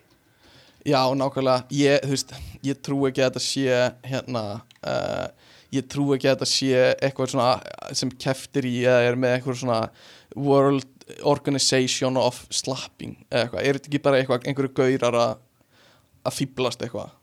En það er alveg, þú veist, það er fullt af fólki að horfa á þetta og áhörndasalur og þetta er alveg, þú veist það er svona proper reglur og eitthvað, sko. Já, kannski. Jó, æ, þetta er svo kjánalegt bara. Og svo sér maður eitthvað svona stór gaur og, og hérna en, en það er gett lítill andstæðingur og gaurinn bara slammar í andlita á litla gaurnum sem bara svona rótast strax. Já, og það er eitthvað svona, hvernig þorði hann að taka þátt í þessu? Eitthvað svona Æ, ég veit ekki. Uh, En þetta er ég myndi ekki ég myndi ekki þóra að vera á móti þér í þessu. Ekki þó ég Eh. hafi nú sparrað í döðlur í gamla daga. Já, þau vorum að æfa box. Jú, jú. Já, það var nú, það var góði tímar. Ég finn ekki neinstaðar hvort það er alvöru bjór eða ekki í býrpong sko. Uh, það er kannski bara leyndamál það er sennilega leyndamál sko. Um, en hérna já, ég fann hins vegar þessa íþrótt sem þú varst að tala um áðan með trampolíni í miðjunni og, og hérna svona basically uh, blag nema það trampolíni í miðjunni og svo svona, Já. og svo svona uppblásanleg svona hoppukastali í kringum trampolínið. Þannig að, að þú ert með svona hoppukastala, já, og svo trampolín í miðunni þannig að, að hérna þetta er gert svona volleyball eða blag nema meira extreme. Gera það mjög töff eitthvað svona, en það er samt, þú ert bara að skjóta boltanum í trampolínin, sko. Já. E, já, Já. er það er það málið? Það er ekkit neterluðis Ég er bara Nei. svona að pæli hvort að horfa saman og ég. Já, ég var að senda það myndina og hérna uh, Já, þetta er eitthvað annað, sko En þetta, þetta hefði ég örgulega gaman af.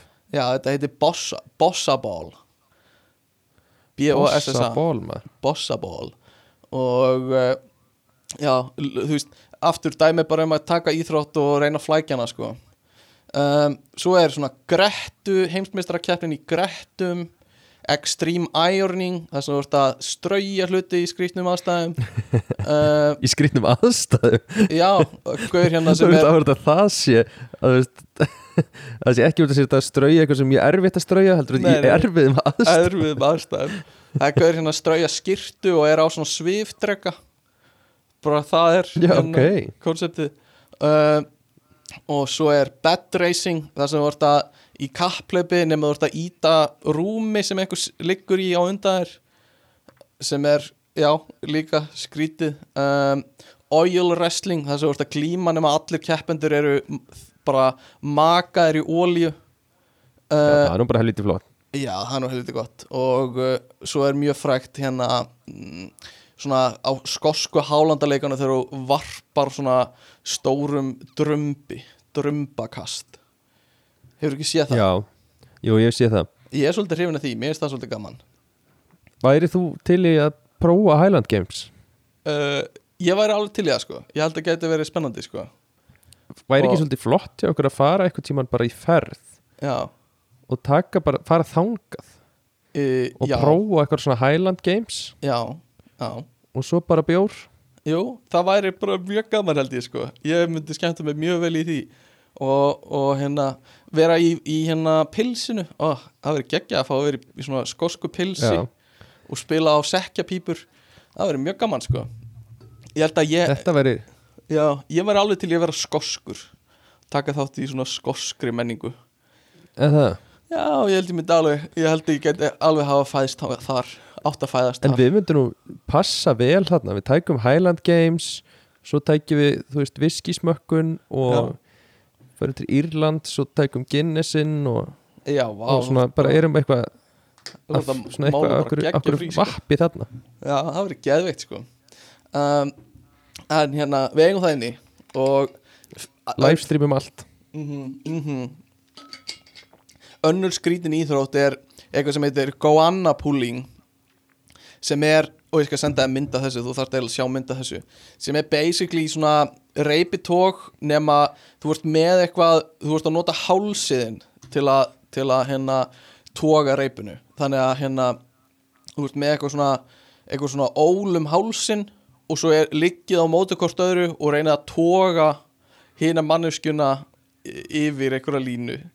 Nema Jesus, þetta er enda rosalegar unit þarna sem er að berjast þarna með ég hálsin veit það, ég veit það. Og hérna þetta ímyndaði mér að sé martröð nýkkjaran sko og, og hérna já, bara Já. hálsiðin er í maski eftir þetta sko En hvernig er, þú veist, hvernig er æfing? Þú veist, hvernig ertu að æfa heimur? Ertu bara með band í vegg og ert bara tóða? öruglega, eða með einhver svona sleða í einhverju, einhverju, einhverju brekku og ert svona toga sleðan upp með hausniðinum Já eitthvað þannig uh, ég get, já, öruglega sko það er þetta mjög fyndið um, svo bara svona eldsnögt uh, basically ar, svona roleplaying hérna uh, LARP live action roleplaying þess að þú ert bara með eitthvað svona sverð og eða svona kilfur og skildi eða svona mi, miðalda vopn og ert að berjast. Þetta er ekki beint Já, svona venjulegt svona fencing skilmingar uh, það er bæði vegi íþrótt sem ég skil og meikar sens í mí, mínum huga bara svona venjulega skilmingar það er bara einfalt. Skilmingar já, það er bara, ég skil af hverju það er íþrótt. Það er bara, Nei, það er alltaf enga veginn einfalt samt. Hvað meinur, þetta er bara sverð og þú ert bara að sverðast skilur ég skil Já, hvernig það var íþrótt. Já, jú, ég skil það en hún er samt orðin svo geðveitt skrítin núna. Já, með, með þessum búningum og reglum og eitthvað. Skilur eitthvað reglunar voða lítið, ég veit að einn hlustandi sem hlustar á okkur er, var skilmingarkappi og hérna uh, Aha, hver er það? já, hann heiti Guðjón og hérna hann var, hann var skilmingarmaður og, og átti alla múndiringuna sko. Þetta er alveg, þetta er alveg svona lúm, ég veit ekki hvort maður á að segja töff. Er þetta töff? Er þetta, Nei, þetta er ekki töff sko. Það eru sem það flesti skilmingamenn í Quidditch núna ú, já, pottit reyndar, þetta er alveg svona smá þannig. Svona finnst Lord of the Rings töff og hérna, og Harry Potter Já, töff. já, já. það er samt sko sko, já, er samt eiginlega þannig að þessi hópur af fólki já. uh, býr venjulega til samt eiginlega bestu íþróttirnar en það er eiginlega alltaf svolítið skrýtnar. Já, og ekki Já. beint skilmingar, nú var ég meira hugsa um larpið sko. Já, já og ég var að hugsa að skilja eins og larp er öruglega ágislega vel struktúruð Mhm. íþrótt. mm og Quidditch er öruglega búið að optimæsa Quidditch mjög vel. Öruglega sko. Það gæti alveg verið sko. Svona eins og D&D er alveg svona optimæsaðasta svona borðspil já, svolítið, svona búið að ídraða svolítið vel sko. Já, ég hugsa að sé búið að ídra rosalega vel svona íþróttir eins og Quidditch og eins og larp. Já, það ég alveg held að maður sé að horfa með fordóma augunum á það. Það eru, svo er mjög geðveikt gaman að fá að taka þátt í larp já, ég held þannig að það er búið að besta þetta svolítið til að gera þetta skemmtilegt. Ég hérna hef séð fólk vera að larpa og hérna þú veist það er lúðalegt. Ég ætla ekki að segja neitt annað. Þú veist það er með eitthvað sverð og er að lemja fólk og er að öskra hvað það gerir mikið í damage þú veist, hérna 10, 10, critical 20, eitthvað svona og hinn manneskjan þarf að halda utan um í haustum á sig hvað hún á mikið líf eftir sko, eitthvað hérna, 200, 180 160, eitthvað svona. Þegar hinn öskrar þú akkur bara hérna með öskrar það? Uh, sko þú þarfst að láta manneskina að vita hvað þú gerir mikið damage skilur við Það og mátt segja bara hvað sem er eða? uh, það er bara honor system skilur þú bara veist hvað sverðið þetta er upplugt eða eitthvað ég veit ekki. Og hérna En akkur myndi að statinn- breytast akkur myndi að breytast? Þú veist, akkur kallar einu sinni 150 180 200 uh, já, Er eitthvað það, svona sveiflumunur? það er lífið þitt sko. Þú veist, þú byrjar með 200 og svo gerir einhver 20 í damage þá ertu með 180 Já. eftir og svo 160 eftir skilur og það er að láta alltaf vita hvað átt mikið líf eftir Já, Hérna, ok. Það, það er Já, mér ógeðslega svo að sé ekki búið að ítra þetta nóg.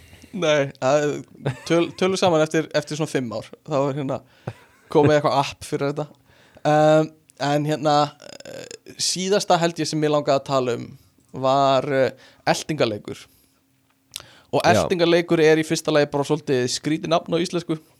Eldinga, hvað er eldingar eldingarleikur og hérna uh, það er keft í þessu. Þá er bara, Já. það eru tveir í einhverju svona þrautabraut einhverju svona þrautabraut að velli, þetta er svolítið eins og Tarsan leikurinn í íþróttum í gamla þetta sjátt á það. Það er frábær sakna Tarsan leiksins. Heyrðu, heyrðu, ding, ding, ding. Það er komið pakki. Ég er komið pakka. Sko, ég er enda svolítið sár. Nú, Ég fekk ekki bláan limmiða á Amazon pakkanum mínum. Nei. Hann hlýtur ef að haldi að ég væri eitthvað pesant. Örglega Svo að fá venjulegan Amazon með það. Já, ertu sáttu við sendinguna þeina? Sáttu við pakkan svona hilt yfir? Já, heilt yfir myndi ég segja að þetta var bara nokkuð góð sending.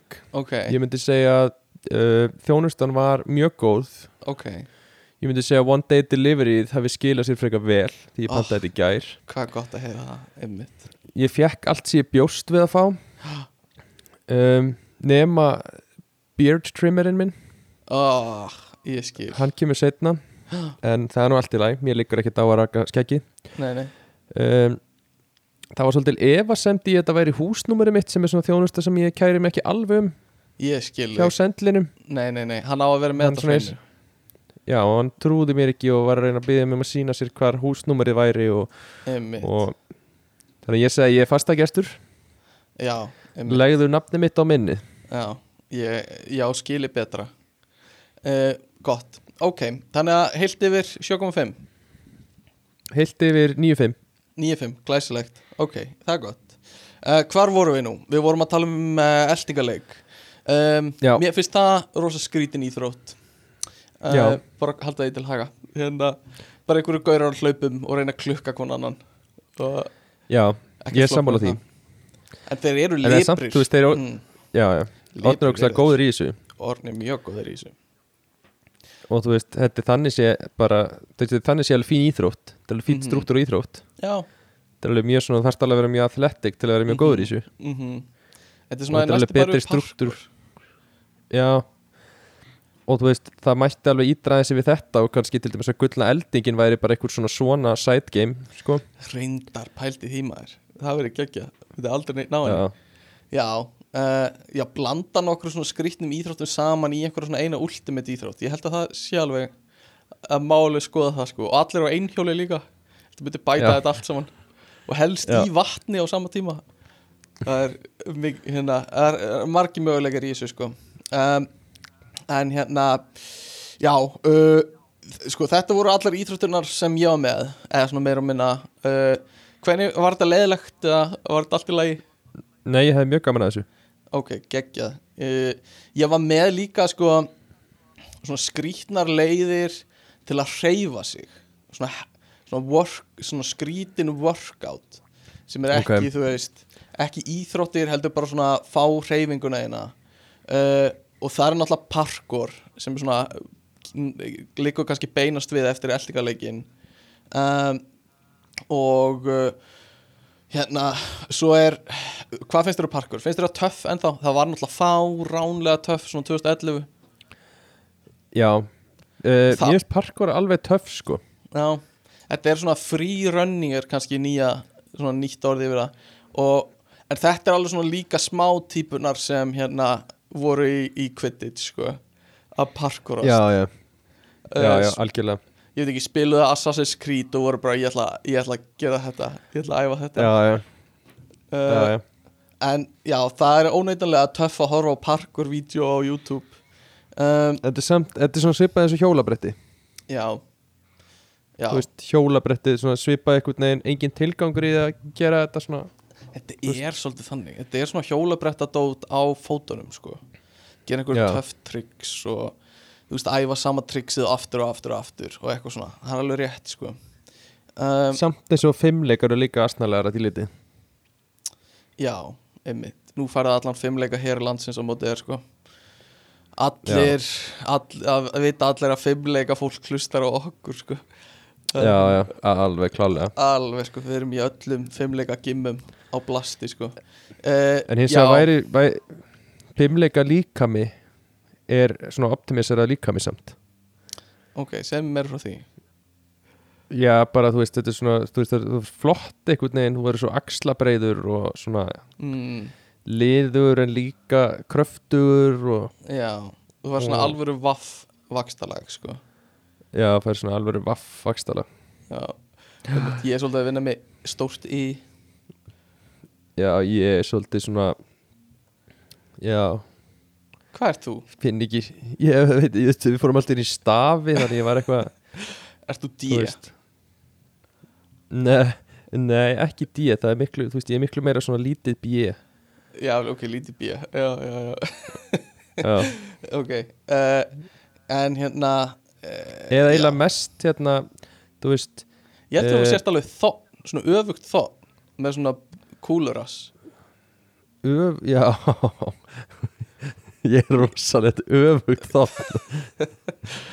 Já. Einmitt, já. Einmitt, já. Um, Svo er, þú veist, alls konar útgáfur á jóka eins og dóka, það sem ert að gera jóka með hundinu þínum. Uh, Þú veist, já, já, allt í lagi. Þú ert að toga eitthvað í hundin og meðan þú ert að gera eitthvað hundapósi Nei, er það? Er í alvöru? Já, já, já.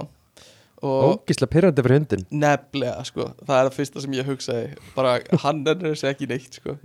Uh, Og En svo er annur, önnur típa jóka sem er sko naked jóka. Og uh, þetta er svolítið áhugavert. Naked jóka eða nude jóka Var lengi vel uh, Leift á, á YouTube. Og hérna Þá sem einhvers konar kennslumyndbönd Og ég veit ekki hvort það er búið að taka út núna en hérna að því YouTube er mjög svona uh, sensorar mjög margt sko og það má og að lítið á YouTube þannig séð.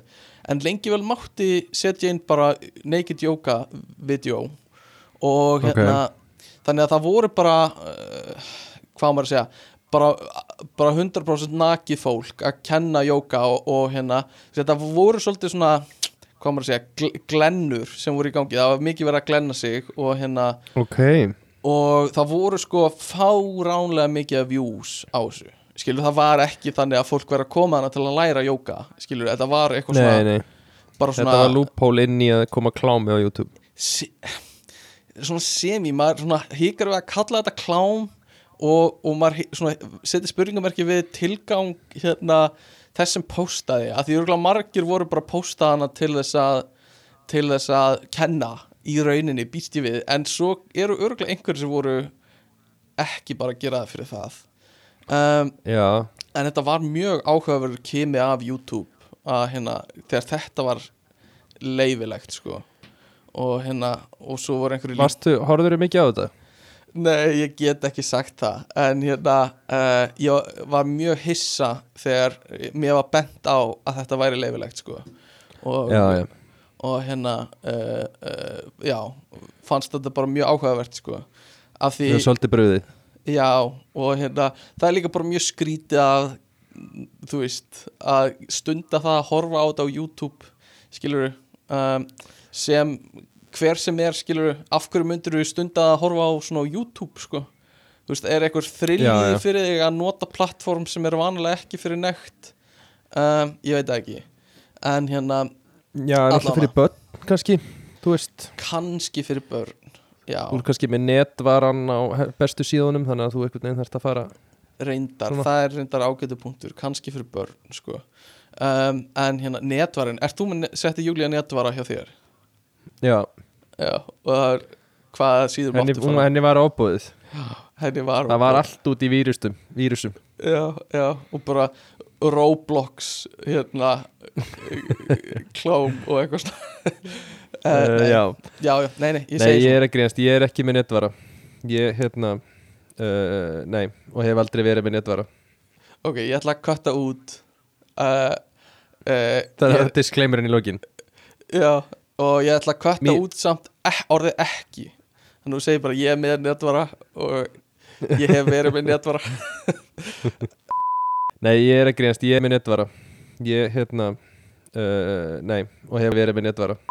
Uh, en hérna allavega uh, og hérna, já, þannig að- nútjóka er leið. Og ég, sko, ég hef aðeins stund að jóka smá og uh, finnst það fínt uh, væri til ég að gera meira því ég held að sé góð hreyfing, sko. Hefur þú, þú ert nú svona styrður strákur. Hefur eitthvað stund að jóka? Nei. Ég hef ekki, nei, nei, alls ekki sko. En Ég hefði nú alveg gott að því. Já, og, og ég held að það er mjög heilbreið hreyfing sko. um, en svo eru svona trampolín, fitness uh, hvernig myndur þú stunda það? Eitthvað, ok, Ó, já, ef það væri ekki svona mikið tabú fyrir mig að mæta í trampoli fitness þá væri Já. ég að elska það að vera eitthvað að það væri reyfingi mín já, sko trampolín fitness, pole fitness mér finnst líka zumba svo áhugaverð hreyfing Já. uh, mér finnst það svo skemmtilegt að hérna og að því það, fólk hefur svo gaman í því skilur, þetta er bara Já, já. kemur hann til að dansa við einhver, einhver Ed Sheeran lög eða hvað er. Og hérna og allir rosa glaðir og mun að brosa og hérna stíði einhver dansspor. Uh, mér finnst það svo svona áhugaverð hreyfing sko, skemmtileg. Uh, og hérna bara gaman að fólk getur stundað á þess að, að hérna uh, já, bara stundað. Ég veit ekki hvað ég er að reyna að fara með þetta sko Gaman ef fólk getur stundað. Uh, já, hérna. Ok, ymmit, ymmit og, og pole fitness er líka mjög skemmtilegt örugla og hérna trampolín eitthvað hoppa upp og niður. Örugla mjög gaman sko. Annað sem ég held að sé mjög gaman er eitthvað sem heitir cycle karaoke. Já, ok. Að syngja og, já, og, og hjóla. Já, þá ertu bara á svona exercise hjóli. Svo spinning hjóli bara. Já, spinning hjóli, ég er að horfa eina myndband af þessu. Og þetta er ég, ég ætla ekki að segja að þetta sé hérna uh, asnalegt en hérna þetta er áhugavert. Og ég get kannski Já. deilt með þér hérna skjá. Þú getur kannski heyrt, af, heyrt þetta líka.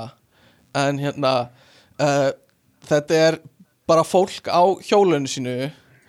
Já, og, og er með mikrofóna stundum að syngja með sagt textanu sem eru upp á skjánum. Þetta Já, er ekkert já. flóknir en það. Þetta er bara nákvæmlega eins og þetta hljómar.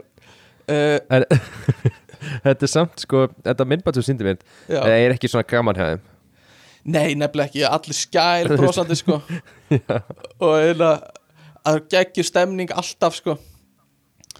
Þetta er svona, þú veist, ef þú varst sem krakki á úlingsárunum og varst alltaf í leikfélaginu og svona, þú veist, Já. hefur miklu þörf á sviðsljósinu. Já, en ert núna farin að vinna á, í bankanum, já, svolítið þá sko. er þetta helviti gott, sko. og þá, þá þarfst að fá svona útrás fyrir þetta sko.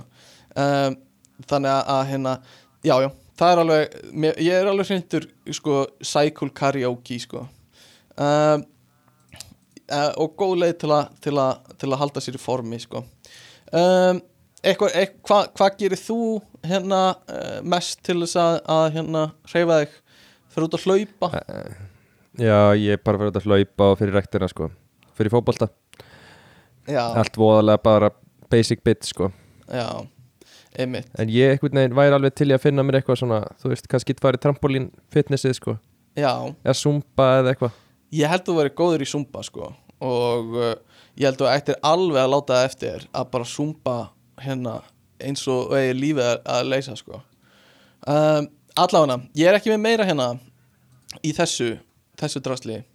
Uh, Þannig að þetta voru skrýtnar íþróttir og leiði til að hreyfa sig. Uh, vorandi hafði einhver gaman af okkar yfirferð á Ég þessu. hafði mjög gaman að þessu. Ok, Ei, Í versta falli þá hafði bara ég mjög gaman að þessu. Ok, það er nóg gott.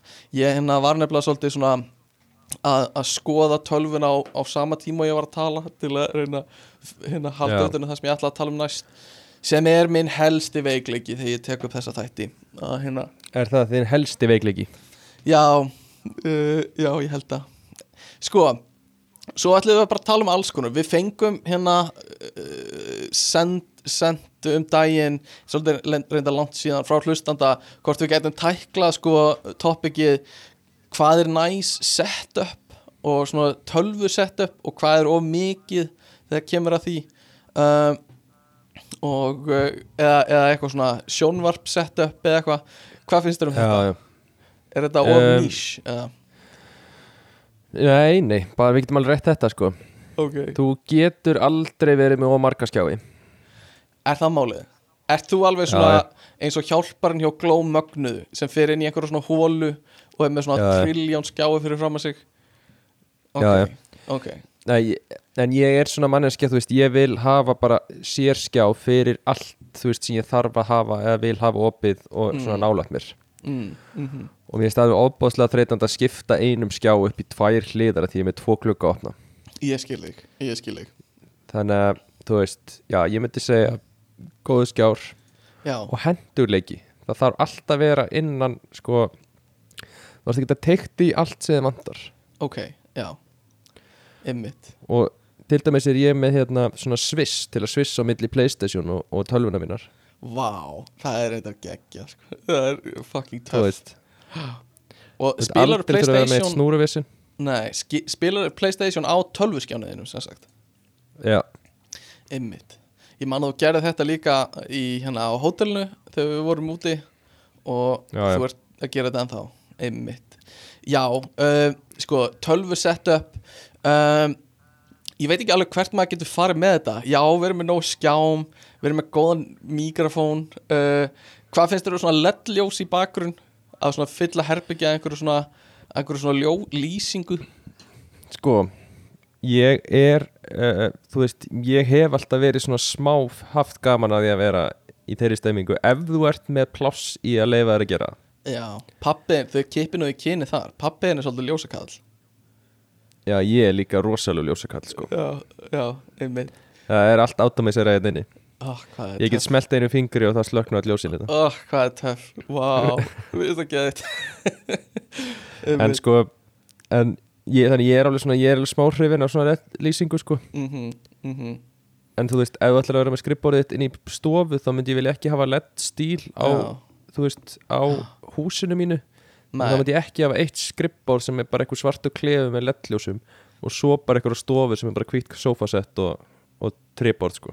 Ok, þú myndir ekki vilja það.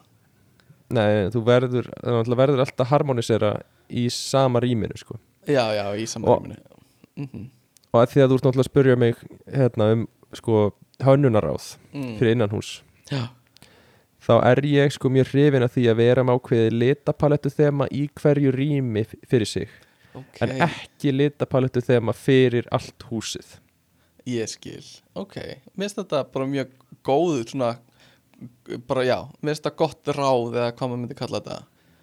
Að Já. hérna, getur þá verið með bara svona þú ert með íshellin sem er eitt herbyggi og svo ertu með Já. tropical stofuna og svo ertu með 70s eldhúsið, eitthvað svona. Já, sko nema, nei, ekki þessi þrjú þemu en já, samt uh, Mér finnst íshellari mjög skemmtilegur. Ég var alveg til að hafa íshelli heima á mér. Allt svona Já. hvítt og, og þrýr ískapar og eitthvað svona. Um, En er, er eins og í skjám uh, er stærra alltaf betra? Nei, eins og bróði minn, ég ætla bara hann er með uh, tölvu í herbygginu sínu og hann er að vinna með sko einn skjá í staðan fyrir marga og Já. bara hjút skjár þú veist, ég held að sé með kannski 60-70 tómu bara sjónvarpskjá í, Já. fyrir tölvuna sína og er bara einn risa skjár Einmitt. er það eitthvað næs að Uh, er, er góð gæði í skjánum? Já, bara mjög góð, 4K og, og þá er bara window managementið hans er ekki, þú veist, og með einhvern e- e- hvert forrið hefur sinni eigin skjá, heldur ertu bara með þú veist, rísa skjá og bara einhvern veginn En þú veist, er, er, hvað situr að nálagt? Mjög nálagt, frekar nálagt sko. Þannig að hann, svona- þú veist, verður alveg að snúa hausnum sínum mikið til að færa svo milli skjá Já, Þess til að horfa smá endan á sko. milli. Smá þannig. Næfur þund sjónvarp sko. Þetta er svona, svona kreditkorta þygt næstu því sko. Og, og Ok. hérna og er bara með einn þannig. Er það, hvernig myndur þú reyta það? Jú, þú veist, mér finnst það reyndar alveg mjög áhugaverður vinkill, sko. Mm Ég er svona samt, þú veist Ég er ekkit of hrifin að ég vera með of mikið af eitt flöt umhverfið. Ég vill svolítið byggja skjáina svona í, þú veist Svona þeir mynda smá venda ringi kringum mig. Já, einmitt, einmitt. Ég er með, Þannig að ég er með þannig sko, bara svona verndarkúlu. Þannig er svona Já. umlíkjaði sko. Já, mér finnst það líka svolítið kósi sko og, og mér finnst gott að hafa fleiri skjái sem eru minni heldur en einn stóran sko. Já, um, Allan, ég veit ekki, hva- hvað getum við tekið meira í þessu umræðefni? Er, þetta er eitthvað í hug? nei, ég meina við ætlum ekki að fara að tala um bara eitthvað, grafíkkort og eitthvað einna Nei, nei, það er rétt Það er rétt, það hendur kannski Af ekki því ég hef ekkert að segja um það. Nei, hérna Bilding í því samt núna, sko Það er að koma geggju grafíkvort uh, En við tölum ekki um það um, Ég sé að þú varst búin að skrifa hérna inn Svolítið skemmtilegt um, Og uh, ef ég les það upp hérna uh, Og mér lókar að vita hver pælingin er bak við þetta Hvað er hægt að ferðast mikið á bát? Hvaða pæling Hvaða pæling er þetta? Hvaðan Já. kemur þessi pæling? Hvað er hægt að ferðast Nei, mikið á bát? sko Ok, Já. ég var svona Pælingi mín var Mm. uh, Hvað, þú veist Hversu auðvelt er fyrir mig Að taka þá ákvörðun um að ferðast Á bát, allt sem Já. ég vil fara Í staðin fyrir að fljúa Ok, Þú veist, að því að ég hef aldrei keift miða í bát nema að sé eitthvað svona ferja bara sem tekur yfir eitthvað smá sund eða þú veist, til Vestmanneia eða eitthvað svona já, já en þú veist, ég hef aldrei farið ég hef ekki farið með Norran í fyrsta leiði Nei, þú ert að missa miklu þar sko. Já, en ég er svona pæli í, þú veist, ef ég myndi núna vilja fara í Európarísu hversu erfitt væri fyrir mig að ferðast eiginlega allt á bát? Mm, Svona Greta Thunberg Taka þetta bara Greta Thunberg. Já, Eins og hún, þú veist, fór á einhverja ráðstefni í bandaríkjunum og, og, og sildi á seglskútu frá Svíþjóð til einmitt. Bandaríkjana um, Ég held að sé tölvert flóknara sko og þarf að pæla í einhverju alls konar drasli en það eru samt fullt af bátum á ferðinni alltaf um, sem gætir snappaðir kannski far með eða eitthvað heldur það? heldur þú getið labbarinn á höfn og sagt bara, er þið til að grípa mig með til Brasilíu? uh, Það er erfitt að segja þetta var ég veit ekki, já, þetta var gert sko í Vietnamstríðinu þá hérna var Gauður sem fór bara neyru á höfn og tók bát til Vietnam og vann bara eitthvað smá á bátnum. Um, Já, Þannig í Vietnamstríðinu var einn gaur sem náðu að húka sér far Er það, er það sagaðin þetta? Já, uh, var gert myndið Já, það? já, hann gerir þetta. Já, heitir ok. Greatest Beer on Ever. Um, en hérna, já ég sko ertu, ertu báta kall líka hefur gaman að bátum?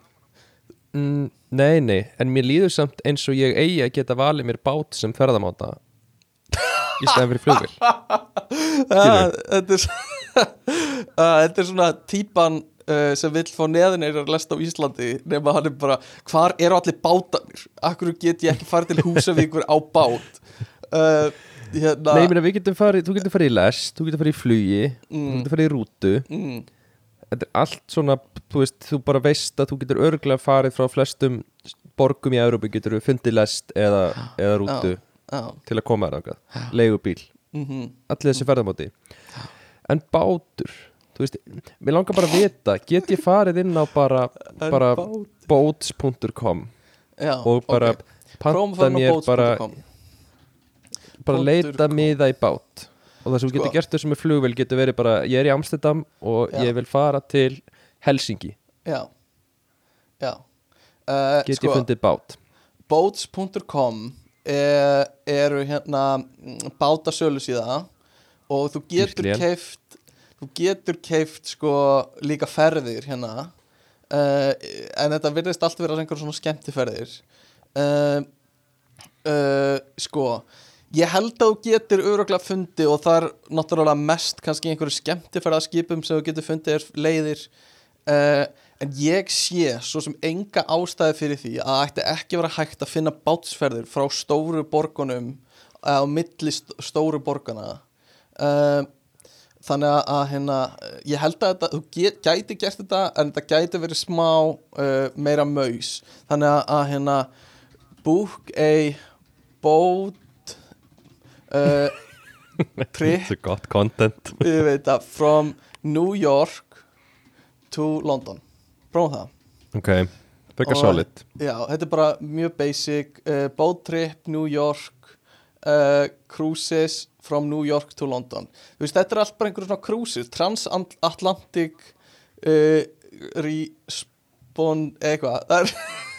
Það er eru alls Ok. konar bátsferðir hérna. Það kostað 4.000 dólara cirka svolítið Um, dýrt. svolítið dýrt, kottu með einhverjar borgir sem þú myndir vilja fara frá. Já, Amsterdam og Helsingi Ok, from Amsterdam to Helsingi Þetta er þetta er hérna uh, quality content hérna. Um, Þetta er alltaf á hollensku þannig að gerir svolítið erfiðar að leita. Um, býtu the best The 14 best cruises from Amsterdam to Helsingi Þú ert allan með 14, 14? möguleika hérna. Ok, að- það er þetta að- kemur óvart. Jewels of the Baltic Leaving Amsterdam sko, þetta er bara, þetta er bara ekkert mál sko. 14 nætur 29 nætur þetta er allt skemmtifæraskip samt. Þannig að hérna ok, uh, en þetta er hægt sko. Uh, þannig að til þess að svara spurningunni þá er það bara ekkert mál sko uh, ef þú Ok. ert til í að fara á cruise sko. Svona cruises það svarar spurningunni minni. Mm um, en hérna uh, já, þannig að, að hvað er hægt að ferðast mikið á bát? Bara fullt. Hérna, bara, ég vil loka þessu. Uh, shit, mér fannst það geggja topic, sko, þetta er bara einhver spurning na, hálf spurning sem mótaðist í haustum á þér og þú prófa að uh, skrifa það niður, mér finnst það geggja um, sko uh, við erum með, ég er með nokkra hluti hérna sem við getum gert við getum Ok. lesið mjög juicy svona reddit uh, confessions eða, eða já, eitthvað þannig svo er ég með, getum við hringt í einhvern præmgaur fyrir ekki, varst Ok. að geispa er Nei, ég, nei, er ekki. leiðilegt eða? ha, nei, eh, ekki leiðilegu sko nei, ok og, og svo getum við bara já, ok, og við getum líka skoðað svona cool minna þekktar heimasíður. Þannig að hvað kýtlar Ok. er hérna af þessu? Eigum við að taka reddit eða? Ok, við getum tekið reddit til í það. Um, Hérna, ég er með nokkra sögur og ein, fyrsta er svolítið stutt sem ég finnst alveg, mist svo skemmtilegt sko. Og mér langar að segja, tjekka hvort þú tengir eitthvað við þetta. En þetta er bara mjög, er bara mjög einfalt, ég er eiginlega allt titlinum, þetta er hérna uh, kona mín veit ekki en einu sinni eða tvisvar í mánuði eftir að hún er sopnuð þá panta ég mér miðlungspítsu á átta vangi og borða þá úti í garði einn og hendi svo sönnunagögnum uh, eftir og fer upp í rúm. Uh, þessi er frábær. Þetta algjör snild sko. Tvísvar í viku? Já, ein mánuði sko. Ein, einu sinni tvisar í mánuði. Og hérna, hann segir líka þetta er bara í hreinskilni að mest spennandi hérna, frill uh, sem ég geri og ég, mitt, sko, ég á mér dagdrauma um þetta bara oft og hlakka mikið til að Nei. gera þetta. Uh, já, og hérna en fallegt samt. þetta svo þetta er svona þetta er ekki, þetta er ekki eitthvað mjög slæmt eitthvað svona, svona blekking sem þú að, að blekja makaðinn nei, nei, en þetta er samt eitthvað svona það er eitthvað ramt við þetta líka að gera þetta og borða þetta út í garði sko, bara, bara, Já. bara mátt ekki, skilur ekki eftir neyn sönnunagögn sko. Sko, já, fyrstu viðbröðum voru þetta er náttúrulega svona smá, sko maður er eitthvað, akkur segir ekki bara koninu frá því að þú þið langar í pítsu núna og pantaði pítsu já, En hinn hliðin á þessu er samt það að hann hafi svo gaman á thrillinu Mhm, er eitthvað svo, mhm. er svona, þetta er svo pappalegt múf eitthvað svona, Já, að finnast já. eitthvað svona algjörlega tími sem hann 100% áf með sjálfum sér. Og svona smá að stelast, smá óþekkur. Já, já 100% sko. Og- sé hann fyrir mig býða einhvern veginn upp í rúmi og býða eftir að hún sé já, sopnuð já, og hann, já, svona telja sekundunar og hérna, er hún byrjuð að karfan er komin þú veist, áttavangir og meðlumspizza komið í körfuna. Já, já, 100% og hann segir hann, hann lítið updateina sem er sem er svona bara ég pantaði mér stóra pítsu í kvöld í staði fyrir medium Yes.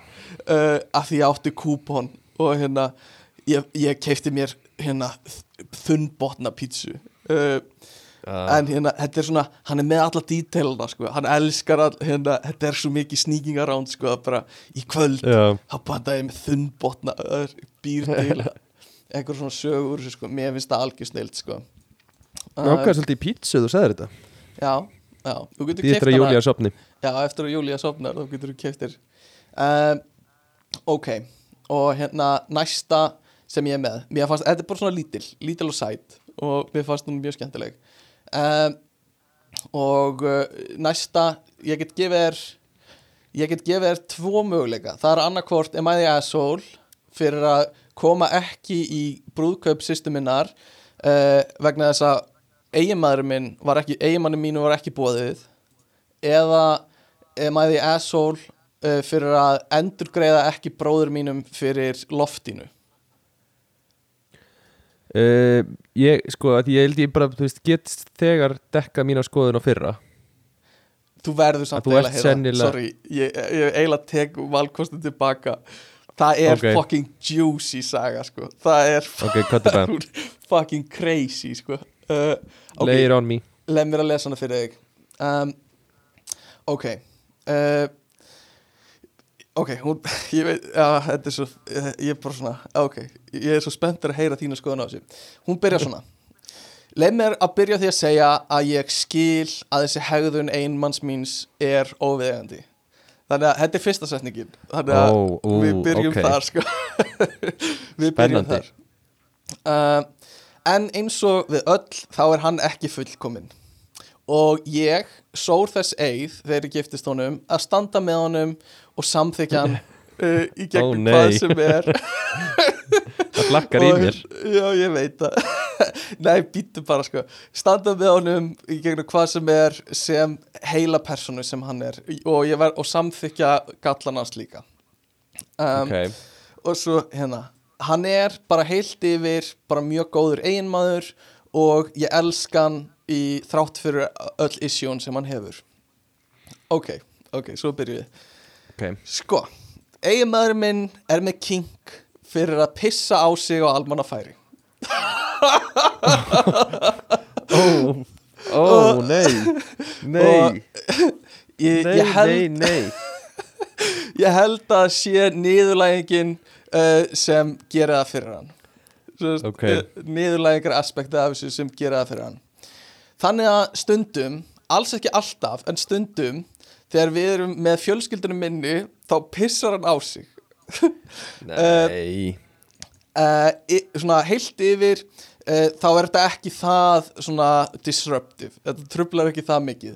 Hann bara stendur upp og segir eitthvað eins og ó nei, ég pissaði á mig Guð minn góður. Svo fer hann á klósettið og skiptir um föt. Ég kem alltaf með auka buksur og nærbuksur fyrir hann ef þetta gerist.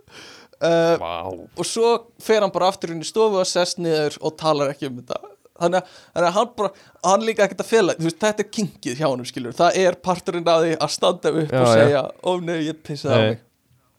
Uh, já, hvað segirðu? bara, þú veist, hversu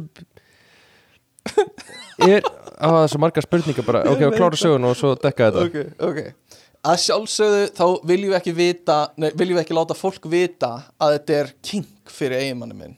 Þannig að við segjum fjölskyldumæðlumum að þetta sé uh, læknisfræðilegt condition sem hann hefur sem lætur hann ekki hafa fulla stjórn á pissublöðrunni sinni og svo hérna ég sagði þeim að, að hérna, ástæðan fyrir því að hann er ekki í fullorðinsbleiðum er að hann skammast sín fyrir að þurfa bleiðar á hans aldri. Þannig að hann er basically í afneitun og, og segir að hérna uh, og, og neytar að, vera í þeim. Bara, það er ástæðan sem hann Ok. gefur skilur, að að hann vilja ekki vera fullorðin í fullorðinsbleiðum um, svo hérna Ok, núna þá er sýsti mín að fara að gifta sig og hún segir að eiginmaður minn geti ekki komið vegna þess að hún vilji ekki að hann skemmi brúðkaupið uh, bara af því að pissa í buksunar sínar. hann mikið líka bara hann er svo mikið að undirbúa það að gera það sko Ég- það væri alveg bara- kinki hjá honum prime tími, skilur við, ef þú ert með þetta king þá getur ekki látið þetta framhjáði fara, sko. nei, nei, alls ekki uh, ég sagði henni að þetta væri hérna bara ósankjant fyrir hana að- skilja eiginmannum minn út undan bara því hann er með eitthvað, eitthvað svona medical condition bara út af heilbreyðis ástæðum hann getur Já. ekki stjórnað þessu. Og þetta er satt hérna uh, as far as she knows skilur, hún veit ekki betur en að þetta sé satt skilur uh, en, en hún segir að þetta sé hans val að vera ekki í fullaninsbleiðu þannig að þetta er honum að kenna ég sagði henni að, að, hérna, að þetta væri hennar brúðkaup og hún getur bóðið þeim sem hún vill en ef að eiginmanni minnum er ekki bóðið þá kem ég ekki. Uh, hann elskar fjölskyldunum mína og ég veit að þetta um, svona meiðir hann eða hérna, þetta er sárt fyrir hann að vera skilin út undan úr brúðkaupinu bara út af einhverju kinki sem hann hefur og hann getur ekki stjórnað. Hann er búin að vera gráta og segir að uh, hún finnist hann vera ógislegur og, og bara ógislegur fyrir að hafa þetta king. Og hann getur ekki stjórna sér og núna vill ekki- fjölskyldan mín ekki einu svona verið kringum hann. Þetta er það sem hann er að segja sko. Ég er Já, ógislegur að ég pissi á mig og ég get ekki stjórna þessu er basically. Rétt. Uh, já. Og við viljum, samt, við viljum ekki vera king shame í þessu podcasti en, en að við tölum um það eftir. Uh, ég veit að þetta myndi hérna særa hann mjög mikið ef að ég myndi bara skilja hann einan eftir heima og ef ég Já. færi bara ein í brúðkaupir án hans. Uh, hann sagði mér að þetta veri mitt val að fara og hann verður ekki reyður ef ég fer. Uh, en ég veit að hann er mjög sorgmættur ég elska sýstur mína og fjölskyldunum mína en eiginmaður minn er bara minn lífsföru nautur. Og uh, hann verður alltaf númer eitt í forgarsröðunni hjá mér á undan öllum öðrum. Og ég trúi því að ég þurfa að standa við hann og steyði hann sama hvað. Sama þótt að því að ég þurfa að velja hann yfir fjölskyldunum mína. Þannig að hún er bara all in í þessum eiginmanni sko. Ok, uh, þetta er alveg að vera klárast þina þannig að ég sagði sýstu minni að ég kæmi ekki í brúðkaupið. Hún var mjög reið sagði að ég væri vond systir af því ég myndi ekki vera hana til að, til að styðja hana hún er að giftast konu uh, þannig að hún sagði að þetta myndi láta, láta mig líta mjög illa út og homofóbist að ég myndi ekki koma og sína þeim stuðning Ég sagði hann Ok. að ég elska hana og myndi koma ef að eiginmennu mínu væri bóðið en hún getur ekki hérna, hún getur bara ekki ímynda sér eða já, staðist þá hugsun að hann myndi koma og, og, og skemma hérna aðtöfnina eða brúðkaupið með því að pissa á í buksunum sínar og, og, og, og tilkynna það sko. Pældi í því bara í miðri aðtöfn og bara presturinn er að segja eitthvað og hann bara, ó nei, ég pissaði á mig. Og hleypi burtu. Uh, þetta er svo slæm. Það, þetta er alveg sko. Og ég sagði henni að þetta væri mjög sárt fyrir einmanni minn að vera skilin út undan uh, ég sagði bara ok, það þýðir bara ég komi ekki og hérna hérna uh, en hún vill bara ekki sleppa þessu og byrjar alltaf aftur og aftur að starta einhver reyfurildi uh, ég veit að hérna, henni líður bara illa að ég sé ekki hana og já, þar endar þetta. Já, ok, jam, jam, hvað er að byrja? hvar Sko- eigum við að byrja hvernig er hægt að vera svona fyrðulegur Mm. og já, hversu Já. langt, þú veist, hversu langt er fólk tilbúið að ganga til að samþykja hegðun hjá makanum sínum bara út af því að þið eru gift já, já það er spurning sko um, ég, sko, Já. Júlia myndi ekki samþykja þetta þó ég myndi bara reyna virkilega að tala með þetta væri eitthvað sem að væri kink hjá mér já, einmitt, þá einmitt. myndi Júlia ekki samþykja það að ég væri að pissa á mig Nei, einmitt. sko, það er nokkur hlutur í þessu sko hérna uh, ma maður vill náttúrulega og bara svona kink shaming er bara 100% eitthvað sem maður á ekki að gera um, en, en það er með þeim einhvern veginn anmörkum að ef þú hefur ekki áhrif á aðra skilur, ef þetta er bara þitt þing skilur að hérna þá áttu bara að geta gert það sem þú vilt skilur, ef þetta er ekkert neikvætt fyrir neinn annan. já, já, algjörlega. En þarna ertu að hafa mikil áhrif á aðra og, já, já, og bara í þó þetta sé bara einhver fjölskyldu hittingur þá er þetta ekki eitthvað ekki sem hefur bara áhrif á þig. Nei, ekki. En svo ef maður fyrir með þetta sko að því þú veist bara að hann mun ekki geta stjórna sér í brúðköpunu sko.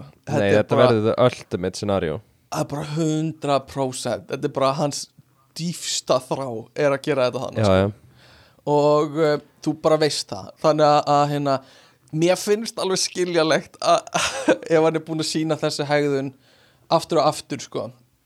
Um, uh, já. já uh, Mér finnst það mjög skiljalegt að bjóður um ekki. Já, fyrsta kommenti er sko uh, fyrsta kommenti er einhvers að kommentar. Fyrsta efnisgrein.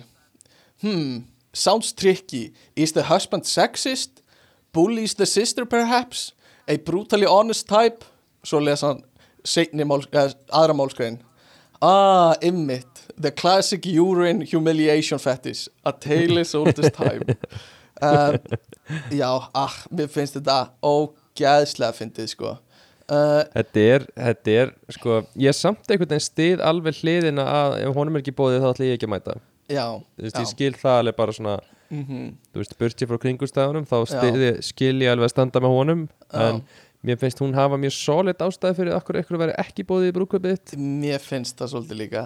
Ég veit ekki hvort það kemur eitthvað inn í að þetta sé í hennar huga læknisvæðilegt dót sko uh, þú veist, sýstirinn að uh, hvort að það eigi að koma eitthvað inn í þetta. Uh, Já, að, að við vitum alla söguna sko að þetta er bara eitthvað svona kink hjá honum. Já, reyndar, reyndar, það er þetta góða punktur. Að gæti verið að það ætti að koma inn í þetta en, en, en samt sko.